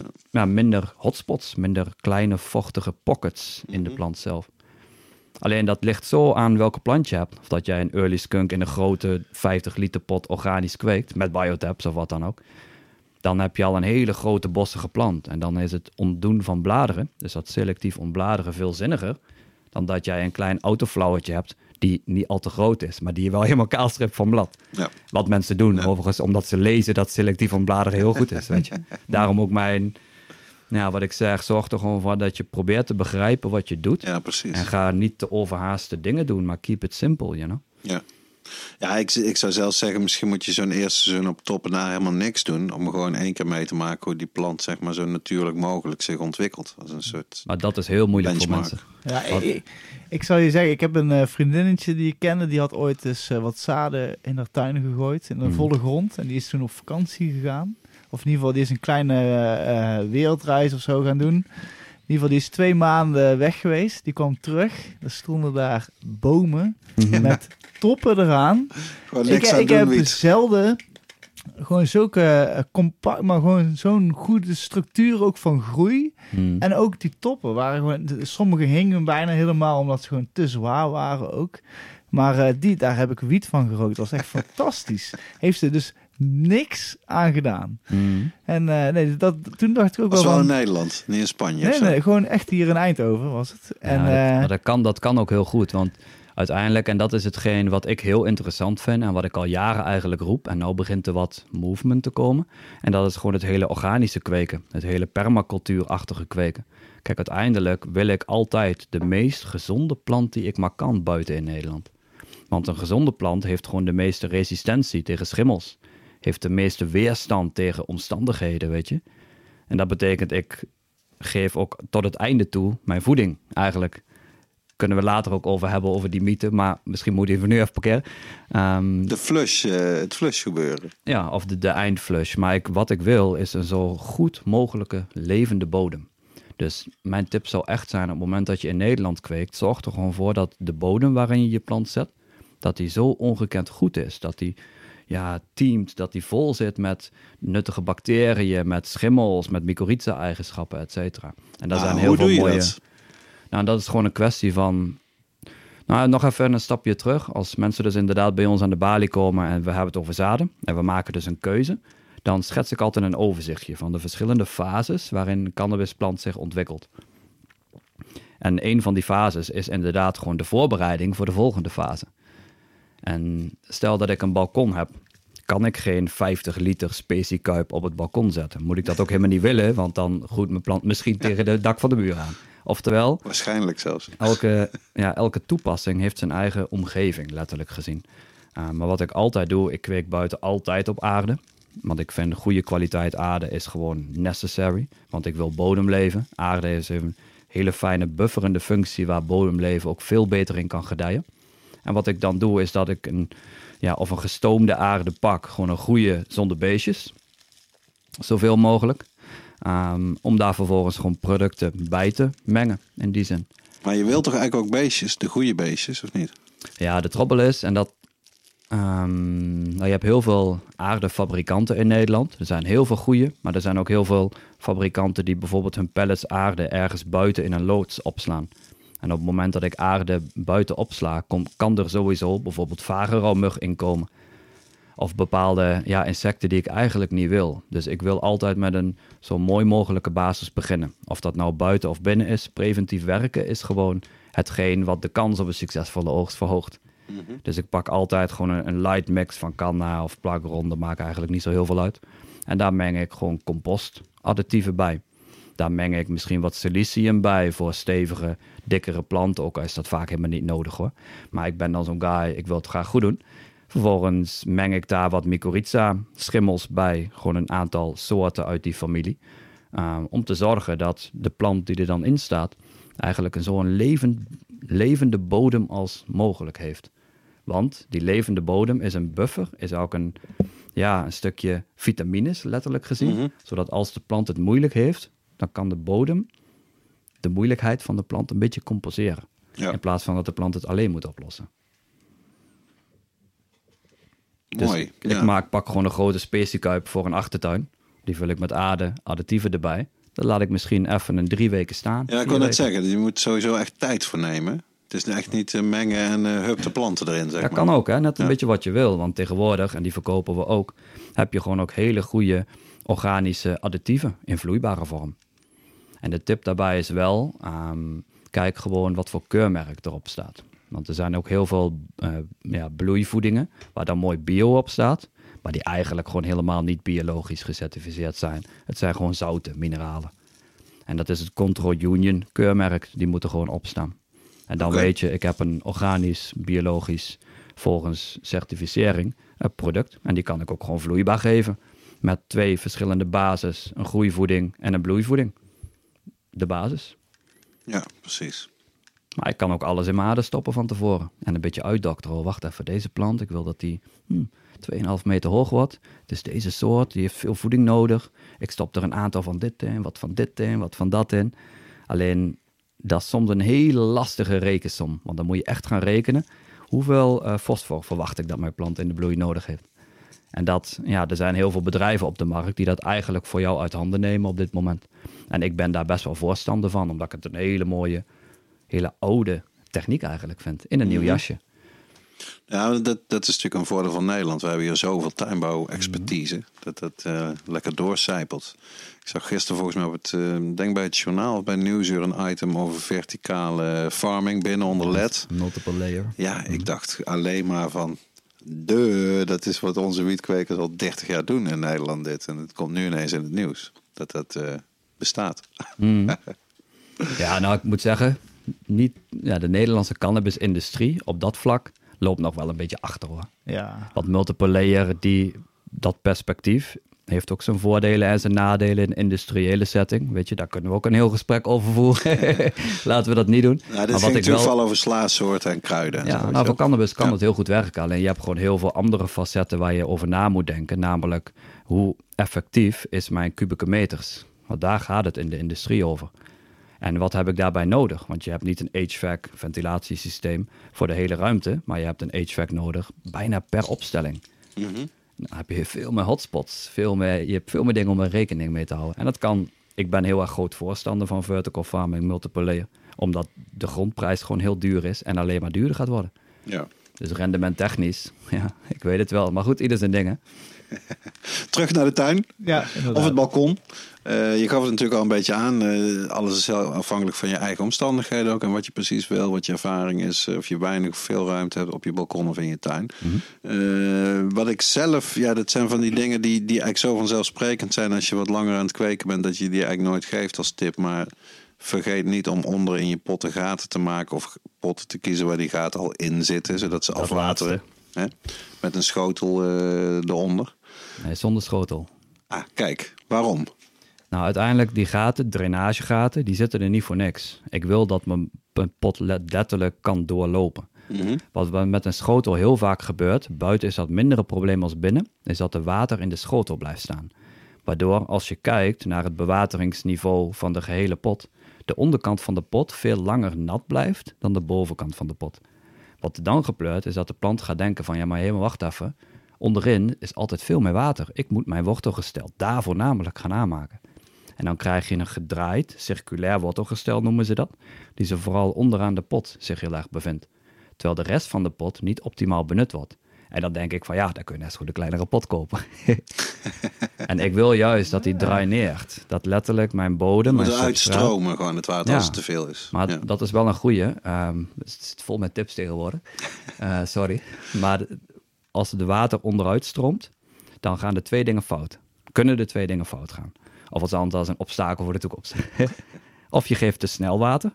Dat betekent dat de aarde zo droog is geworden dat het samen is geklonken. En dat er ruimte tussen de pot en de aarde ontstaat. Jij geeft mooi je litertje in de pot, maar het stroomt er gewoon via de zijkanten en de onderkant daarna weer uit. Je geeft dan te snel water. Wat je dan dient te doen is even 250 milliliter geven. Dat kan intrekken. De aarde zet zich weer uit. De Ja, hele pot precies. wordt weer gevuld en dan geef je je water. En als dat het geval is en het stroomt er nog steeds onderuit, en dan ben je gewoon echt veel te veel water aan het geven. Ja. Waardoor je alle voedingsstoffen eruit spoelt. De aarde is veel te nat. Doordat er veel te veel water in de pot zit, kan er minder zuurstof in de pot. Daardoor is de opname ook minder goed. Daardoor loopt je plant achter, terwijl die, die pot gewoon moet uitdrogen. En water geven is het allermoeilijkste van cannabis kweken. Het allermoeilijkste. Flesjes kopen kan een iedereen. statement van je welste. Ja, maar dit is wel iets wat veel mensen gewoon echt onderschatten. En wat ik altijd interessant vind, ik heb hier verschillende technieken voor. Of dat hebben we gewoon bedacht bij Plantarium. Om mensen daarin te ondersteunen. Want wat jij al terecht zei, uiteindelijk gaat het erom dat je zelf leert om de signalen van je plant te herkennen en daarop te handelen. Een van de signalen is gewoon de vraag: hoeveel water moet ik eigenlijk geven? Ja, precies. We hebben natuurlijk wat richtlijnen, ook vanuit de verschillende fases die we op papier hebben staan, om voor mensen wat makkelijker te Ja, maar maken. het weer. Ja, Zoals jij en terecht in het begin al en zei, dat we in Nederland het zo'n verschil hebben. Het is hier zo'n variabel klimaat, kan je zeggen. Echt tropische dagen die kurk droog zijn. Ik heb wel gehad dat ik gewoon ja, zes keer op een dag water ging geven. en, en met een pot planten. Terwijl op andere momenten, dan moet je echt wel zeker een week wachten voordat je water geeft. En als het veel regent, dan doe het sowieso maar niet, bij wijze van spreken. Klopt. En de trobbel is soms daarmee ook dat je eigenlijk de plant te veel water geeft voor het medium waarin die in staat, waardoor die eigenlijk veel te groot wordt voor de pot, waardoor jij daarna nog meer water moet gaan geven. Ja. Dan is ook de balans een beetje te verstoord tussen wat er onder de grond gebeurt en wat boven de grond gebeurt. En die wil je ieder liter in balans laten zijn. En een tip daarvoor zou kunnen zijn om evaporisatie, sorry, de eh, verdamping uit de aarde een beetje tegen te gaan. En daar hebben we hele mooie oude technieken voor, namelijk stro of Ja, goede, goede snippers die vrij zijn van additieven. Dat is wel een belangrijke. Ja. Daardoor kan je bodem gewoon minder verdampen. En op warme klimaten, warme dagen is dat een heel goed idee. Of gewoon een Bodembedekkers. schoteltje eroverheen maken, waardoor er geen licht op de pot Ja, valt en de aarde dus niet opwarmt. Ja. Allemaal goede tips, allemaal goede tips. Even kijken, ik zit te kijken waar we, waar we zijn. Zo komen we, we hebben heel veel al gecoverd. Eh naar het einde toe, ja, dat zijn klassieke dingen. Eh, wanneer is je plant klaar? Wanneer moet je gaan oogsten? Daar kan je ook uren over praten, dat zullen we niet gaan nou, doen. heel simpele tip. kort- Kom gewoon langs bij Plantarium met je fotootje en ik zal je vertellen dat hij nog twee weken moet staan. Ja, mensen denken altijd dat het al klaar is als het nog niet klaar Ja, is. nou weet je, dit, dit is, dus kan, kan een heel complex verhaal worden. Ehm, uiteindelijk zijn er een aantal dingen waar je op moet letten. Ten eerste is dat gewoon schimmel. Oftewel, aan het einde van de bloeifase trek je idealiter gewoon een handschoentje aan en breek je de top een klein beetje open. Eh, want een, cannabis-top is net zoals een, ehm ja, tarwesoort, eigenlijk een hopsoort. Die bestaat uit allemaal schubben die tegen elkaar gaan zitten. Zo'n schub kun je openbreken. En dan buig je heel rustig dat schubje open, kijk je op de stam. Want heel veel botrytis die Daar ontwikkelt zich eigenlijk op Ja. de stam. En dan zie je een, een wittig pluis die je eraf kan poetsen. En dat is echt het begin van botrytis. En wat er daarna gebeurt, als je daar niks aan doet, is dat het wittige pluis, dat vermeert, verspreidt zich. Dat gaat vervolgens de top van binnen naar buiten opeten. En dat En wordt dan een hele afschuwelijk, grijzige... is dat. Ja, dat word ik niet heel blij van als klanten nog meenemen. Om je ook te Wat jij zegt van afvegen, eh, waar, met nog een speciaal spulletje, met een Nee, doekje, dan met is je het gewoon vingers. Met Voor mij is dat echt de indicatie voor te, om te oogsten. zelfs het allereerste beginnetje. Ja, Dan je meteen- kunt natuurlijk de top kun je afknippen, maar en dat is een ander facet. Je moet ook nadenken van ja, maar wacht even, hoe ga ik drogen eigenlijk? Ja. Waarom? Omdat drogen is een heel onderschat principe van cannabis kweken. Als je bijvoorbeeld in de magnetron droog, wat sommige mensen nog doen omdat ze Oh, denken het is snel droog, dan gaat heel veel kapot. Als je het in de oven droogt ook. Wat je eigenlijk wil is gewoon lekker twee tot drie weken drogen. Bij een temperatuur van 20 graden met een luchtvochtigheid Langzaam. tussen de 50 en de 60. Dat is het ideaalste. Maar alleen, ja, wij in Nederland kunnen niet alles controleren. Ehm, en dat maakt het soms een beetje lastig. Kijk, stel dat ik, en die verkopen we ook, hebben we voor deze reden ook gewoon gemaakt, een droogtentje heb. Een droogtentje met een koolstoffiltertje, een buisventilatortje, een netje, wat je nodig hebt. En je hebt dat binnen staan. Dan zou je kunnen zeggen, hé, wacht even, die grote plant en die pot, die is, de top het begint al een beetje schimmel te ontstaan, omdat het zo'n dikke top is. Weet je wat ik doe? Ik knip die top af. Ik ga die trimmen en ik leg die dus in mijn droognetje binnen. En de rest van de plant laat ik gewoon nog even staan. Want in de andere toppen zie ik geen schimmel. Maar als je dat niet hebt, dan wordt het een beetje lastig. Waarom? Omdat heel veel mensen die drogen dan op een zolder of in een garage. En als je daar één tak ophangt, dan is die tak binnen een week droog. Omdat het daar zo lage luchtvochtigheid is, dat die veel te snel droogt. En wat er dan gebeurt, is dat je verlies ervaart aan terpenen, heel vaak. De smaakstoffen die op de plant zitten, want die verdampen heel snel. En de truc bij het drogen is juist behoud van je opgebouwde terpenen over die aantal maanden. Want dat betekent gewoon de meest smaakvolle cannabis, letterlijk gezien. Dus Is er dan een- nog een andere manier om dat tegen te gaan dan het echt in een tentje te drogen? Ja, je kunt met humidifiers werken. Alleen het probleem daarmee is, is dat ze heel vaak lokaal humidifyen.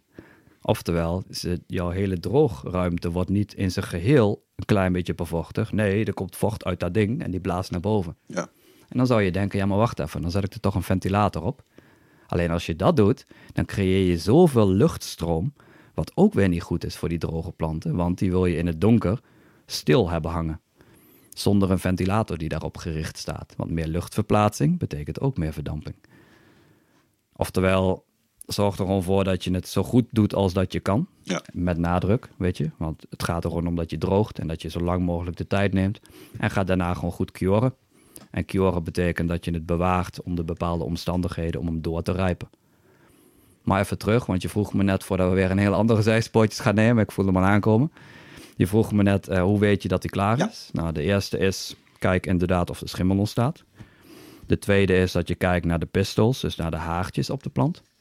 En die verkleuren van wit naar oranje, eigenlijk de hele oude techniek. En de derde is, is dat je kijkt naar trichoomrijping. Ja. Met het microscoopje. Ja, alleen persoonlijk doe ik dat buiten al lang niet meer. Om de hele simpele reden dat een hoofdtop eerder klaar is als de topjes daaronder. En dan ga ik op die hoofdtop checken of die klaar is of niet. Terwijl eigenlijk de hele plant misschien nog helemaal niet klaar is.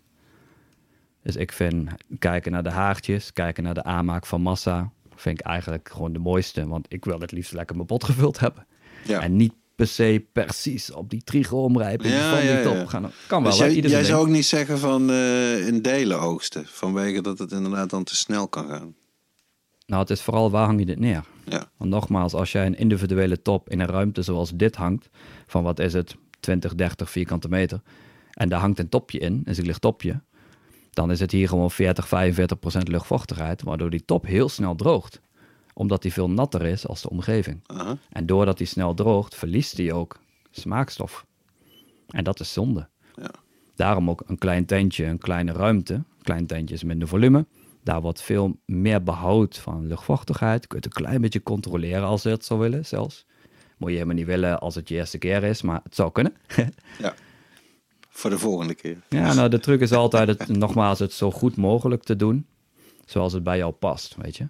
Ik bedoel, ja, ik kan je daar alles over vertellen, maar voor heel veel van dit soort dingen zijn heel veel mensen oprecht nog gewoon niet klaar. Niet om mezelf op een voetstuk te plaatsen, maar ik besef me wel, en dat is ook wat wij graag willen doen, is afgestemde informatie geven en mensen echt helpen om het volgend jaar nog beter te Mhm. maken. Ja, maar dat vind ik zelf een van de mooiste aspecten ervan. Dat Ja, elk jaar begin je opnieuw. mij, eh, en, ga je proberen om het weer net een beter resultaat te krijgen als het jaar daarvoor. Dat, is, dat blijft volgens mij altijd mooi, toch? Ja, zeer zeker. Dat maakt mij ook gewoon blij. Dat ik aan het begin van het seizoen mensen help die dan vaker terugkomen met foto's en vragen. En dat stap voor stap ook gaan doen. En gewoon hele mooie, vette cannabis maken. En Ja. heel erg blij zijn. Weet je, oh, dit jaar is het wel gelukt, yes. Ja, ja precies. Ja, ja. Dat, eh, ja, dat is belangrijk, man. Is dat. Ja, en ik denk ook dat we gewoon heel het jaar zullen we elk facet van deze dingen ook eh, uitgebreid gaan praten. Of, eh, of uitleggen. In ieder geval, zolang het seizoen dadelijk volgt. Daar hebben we het kweekhoekje voor natuurlijk. Ik denk dat Dirk eh, dit, dit jaar ook alweer eh gaat beginnen. Ja, ik heb er al wat zaden liggen, maar ik moet daar nog uit kiezen. En eh, ook ik ben weer een stuk wijzer geworden eh, dankzij al deze tips. Eh, dus dankjewel daarvoor, B. Eh, Geen dank. Zijn wij nog dingetjes vergeten van het lijstje? Heb jij er nog dingen op staan, Rens? Eh veel gemaakte fouten. Ja, dat is misschien, nog wel, ja, dat is misschien nog wel even goed. En dan misschien vooral in de, ook die beginfase. Veel gemaakte fouten. Ja, we hadden in het begin van deze podcast ook over het ontkiemmethode. Wat je Oh ja. nog, wat je nog Ja. noemde. Ja, dat is misschien schiet goed om mee ook te lekker zo, eh, ja. Nou, sowieso wat ik belangrijk vind. Als dingen voor je werken en je hebt er vertrouwen in, blijf het doen. Zo simpel is het. Of je nou in een glas ontkiemt of meteen in de aarde stopt. Als het voor jou werkt, blijf het gewoon doen. Of de koffiefiltermethode. Ja, dat Ja, is het ding wat, wat ik gewoon echt... Dat ben ik al, dat zijn we eigenlijk al jaren aan doen. Gewoon ontwikkeld door Serious Seed, Back in the Days. En die geven we nou gewoon standaard mee als mensen bij ons zaden kopen. Met een uitlegje daarvan, van hoe je dat doet. Ja, het is de zelfs- beste methode. Ja, Bekend van de Ja. Nationale Cannabiskrant. Nou, in alle eerlijkheid, kijk, ik, ik gebruik hem altijd. Alleen er zijn mensen die er gewoon niet mee kunnen werken. Als ik iets geleerd heb, For is het het feit dat cannabis, goede cannabis, kan je op duizend manieren kweken. En er is geen één beste manier, weet je. De, en Dat daarom, klopt, dat klopt. Maar ik ben wel fan van de koffiefiltermethode. En die methode is gewoon niks anders. En misschien moet je anders nog heel even mailen hier naartoe... of er nog ergens een, een oude cannabiskrant hier zo ligt voor die methode. Sowieso goed om in je, in je kast te hebben staan... volgens mij als luisteraar van deze podcast. Dat sowieso. En hij staat ook gewoon online op de Oké. nationalecannabiskrant.nl. Dus Dat is met foto's, staat hij erin. Oh, Maar ja. het wil Ja. eigenlijk niks anders zeggen als dat jij een ongebleekt koffiefilter gebruikt. Waar je je zaden tussen stopt met, het, met de opening naar beneden. Die maak je vochtig, stop je in een gripbag. Die gripbag hang je in een keukenkastje op kamertemperatuur in het donker. En door de zwaartekracht zal een zaadje die ontkiemt gewoon kaasrecht naar beneden groeien. Bij goede genetica, eh, tenminste ja, als ik over onze genetica spreek, is dat gewoon maximaal twee dagen. Dan haal ik het zakje eruit, hou ik hem tegen het licht, zie ik een recht worteltje eruit. En het voordeel van dat rechte penworteltje is gewoon het feit dat ik die heel makkelijk kan planten. Want de trouble is met methoden met watjes of een schaaltje, dan heb je altijd een gekronkeld worteltje. Ja, ja. En door dat gekronkelde worteltje is het soms heel lastig om die een beetje in een gaatje in een potje te krijgen. Yep. Terwijl met die kaasrechte penwortel, ik trek handschoentjes aan of ik was mijn handen goed. Ik pak heel voorzichtig dat zaadje eruit. Met een satéprikketje of een pen maak ik een gat in mijn kleine potje met goede eh lightmix. Vermijd zaai en stekgrond. En dan stop ik mijn zaadje gewoon met het watteltje, tja, kaasrecht erin. Klein beetje de aarde over de heen, dat hij toch een beetje moet drukken naar boven voor de verankering. En voilà. En Ja, vooral, Ik heb ook vroeger wel gedonderd met inderdaad watjes en eh, weet ik wat voor gedoe allemaal. Maar sinds ik dit doe, I never looked back. Ja, dat maar is gewoon is de manier. Zo is het. En dan is het vervolgens, als je dat in het potje hebt zitten. Je moet het niet vergeten natuurlijk, dat is super belangrijk. Als je, zeg Ja, maar, dat schijnt wel hè. als je, schijnt na, als je na een week ineens denkt van, oh shit, ik had het ergens hangen. Kijk, dat soort dingen zijn... eh, maar die zorgvuldigheid lijkt me voor het hele proces natuurlijk aan te raden. Neem het serieus, weet je wel. Als je serieus resultaat wil, dan moet je er ook serieus eh, Ja, mee precies. omgaan. En durf vooral ook gewoon vragen te stellen. En dat vind ik het allerbelangrijkste ook. Ja, weet je, iedereen heeft natuurlijk een ego. Iedereen wil ook een bepaald geld verdienen of wat dan ook. Maar laten we vooral gewoon van elkaar proberen te leren. Want ook ja, die ontkiemmethode met de koffiefilter is gewoon een voorbeeld van een innovatie die tien jaar geleden nog niet echt bekend was. Klopt. Oftewel, als we dat weten, kan maar zo zijn dat morgen iemand met, iemand met iets heel episch komt. Wat onze wereld een beetje heel anders laat zien. Denk van, oh joh, hebben we daar nog nooit over nagedacht? Wat? Dus laten we daar vooral ook voor openstaan. Jazeker. Lijkt mij een schitterende slotgedachte. Ja, Laten we zeker. hopen op dat we blijven innoveren met z'n allen. En eh, voor alle luisteraars die gaan kweken, stuur ons in ieder geval in wat je gaat kweken. Ik ben echt heel benieuwd Ja, eh, vind ik ook wel heel eh, wat leuk. er ja. dit jaar door iedereen gekweekt gaat worden. Dus eh, mocht, je daar, eh, mocht je daar behoefte aan hebben, stuur het altijd door naar ons. En nog een laatste dingetje, misschien wel ook goed om te noemen vanuit het idealistische karakter, volgens mij ook waar we hier bij elkaar zitten. Uiteindelijk, leuke gedachte, als ieder van ons, nou, laten we zeggen, driekwart van de Nederlanders gewoon een cannabiszaadje ontkiemt. Moet je eens voorstellen wat dat doet met de versnelling naar wat ze legalisatie noemen. Zeker weten. Overgrow the government. Ja, en dat is, ik vind dat wel een hele mooie gedachte om heel eerlijk te zijn. Of zo, om op die manier ook zo met de cannabisplant bezig te zijn. Want ja, nogmaals, stel dat we nou in een lift stappen en we zijn in één keer 30 jaar in de toekomst. Kan het maar zo zijn, nogmaals, kan het maar zo zijn, dat de helft van de medicatie op de markt een Ja. cannabisproduct is. Hoe Het zou knows? zomaar kunnen. Het Ja. zou zomaar kunnen. Ah, in ieder geval, eh, B, hartstikke tof dat je daar eh, ons over wilde vertellen. Hmm. En eh, we zullen jou altijd nog wel aan je mouw trekken als we vragen hebben. Of Doe dat. Ja. Wat tenslotte misschien ook nog wel heel leuk is. We hebben natuurlijk intensief samengewerkt met de stichting VOC en Plantarium voor de website veiligthuiskweken.nl. En daar staat heel veel van de informatie die we besproken hebben in minder detail, moet ik wel zeggen. Maar eh, die staat daar netjes bij elkaar. Veiligthuiskweken.nl, zowel voor buiten als voor binnen. En eh, daar kan je dus ook kijken. En eh shout-out zou ik zeggen ook naar cnnbs.nl. Die natuurlijk ook erg veel kweekverhalen, ook van Plantarium, maar ook van allerlei andere mensen en specialisten op de website hebben staan. Dus dat zijn eh, goede resources voor als je dingetjes na wil lezen en meer informatie wil over die mooie hobby der buitenteelt. Juist. Oké, we gaan naar de oude doos.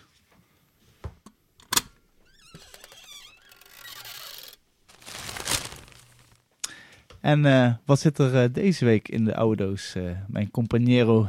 Er zit een, een klein geel boekje in, oblong formaat. Dus niet recht, maar dwars, zo gezegd, landscape. En dat heet Het Wietboek. Geschreven door Bill Drake. Ik heb het een beetje geresearched. Het komt uit Portland, Oregon.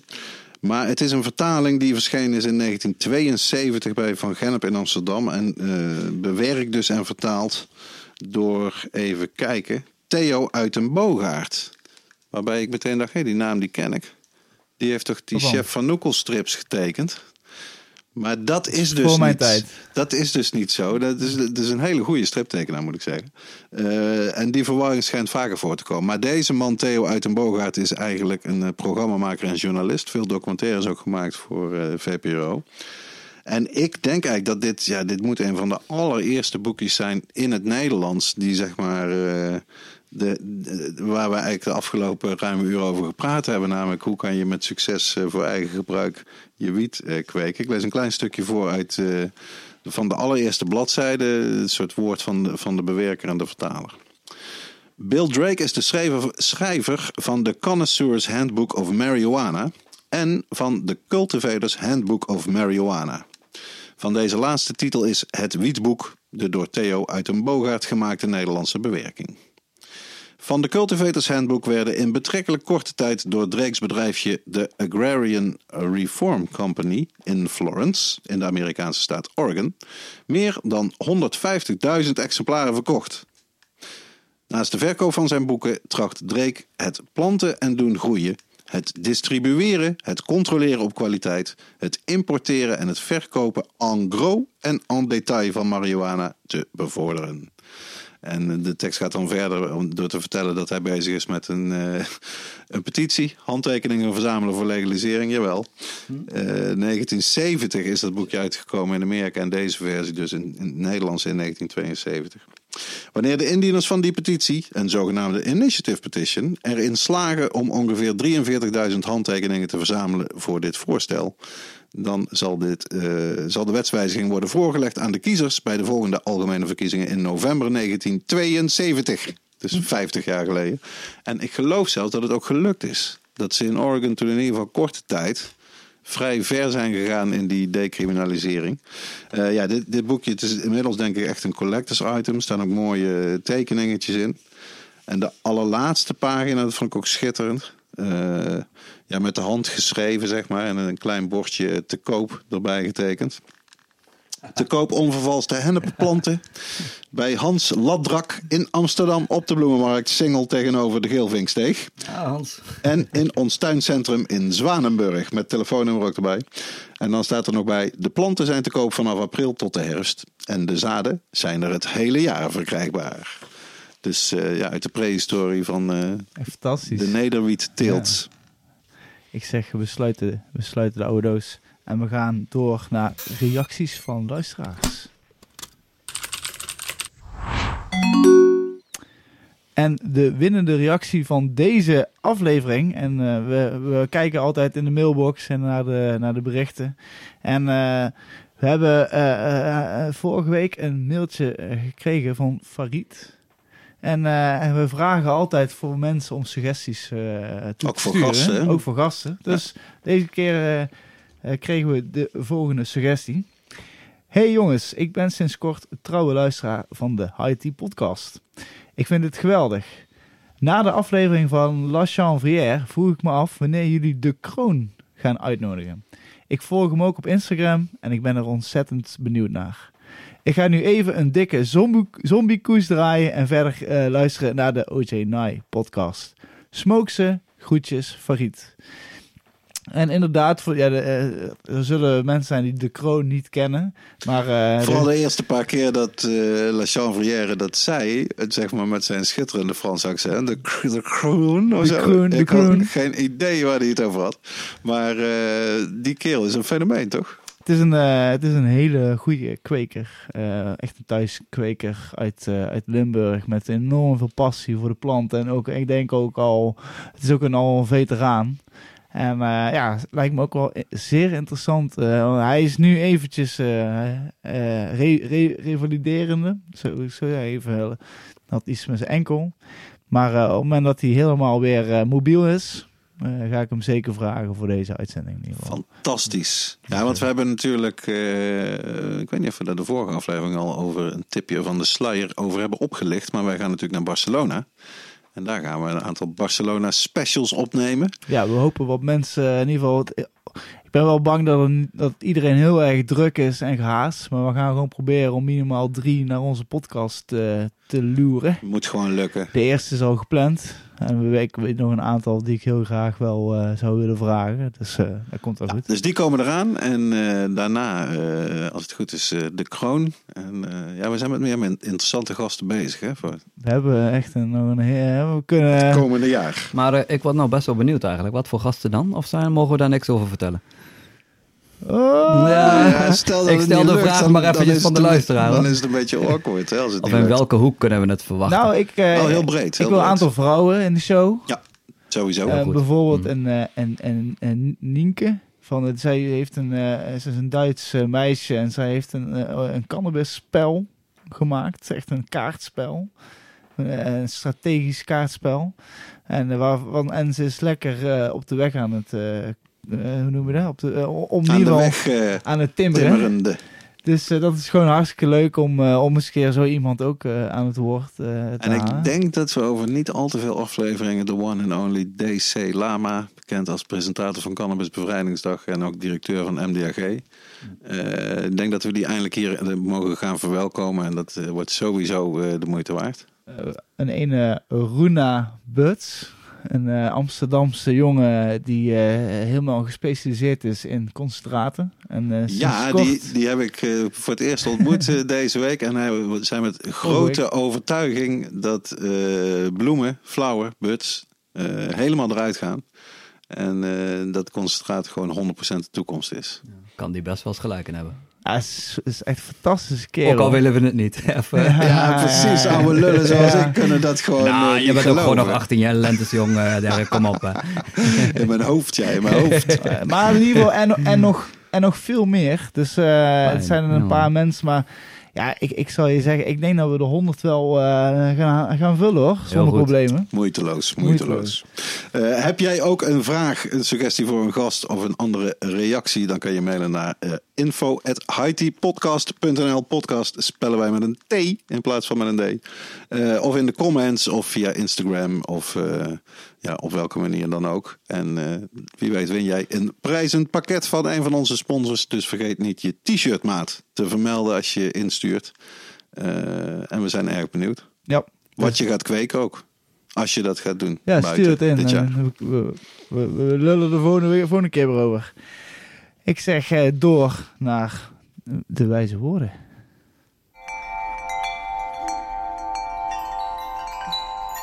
Wijze woorden. Ja, in het eh, rode citatenboekje dat ik al jaren bijhoud met wijze woorden staan veel eh, citaten van bekende mensen. Maar ook een aantal spreekwoorden uit Nederland, maar ook uit, eh, uit verre, eh, ver afgelegen windstreken. En voor deze aflevering heb ik een Afghaans spreekwoord gekozen. Heel kort, maar zeer krachtig. Geduld is bitter, maar haar vruchten zijn zoet. Ik denk dat slaat zowel op de, op de buitenwiet, weet je wel. Wat toch altijd langer duurt dan wat je zou willen. Op, op goed drogen. Het slaat misschien op de wietproef. waar we nou al jaren op wachten. Weet je wel. Ja, precies.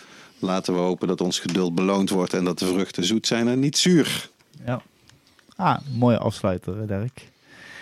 Ja, en eh, zo komen, we, eh, komen we weer bij het einde van deze 56e aflevering van de High Tea Podcast. Oh. Ja, ja we, kunnen uren doorgaan, maar we willen ook de luisteraar ook nog, die moet ook nog weer, eh, ook zijn vrouw en kinderen ook weer eens een keer hallo zeggen. Dus, in ieder geval B, hartstikke bedankt eh, dat je helemaal naar Eindhoven wilde komen Absoluut, voor, ja. eh, voor, voor deze interessante, eh, Voor deze special. ja, deze wijze lessen, laat ik het zo noemen in ieder geval. En eh, altijd leuk om jou te zien. Dus, eh, Veel- Insgelijks, ja zeker. Veel dank ook natuurlijk aan de sponsor van deze aflevering. Dat is Biotaps, organische plantenvoeding voor thuiskwekers. Verkrijgbaar op www.biotaps.nl. Eh, veel dank aan onze hoofdtechniek Simon, die hier naast me zit. Aan mijn co-host Rens en natuurlijk aan eh, jullie, onze luisteraars. ja. Tot de volgende. Tot de volgende. Yes. Houdoe hè. Houdoe.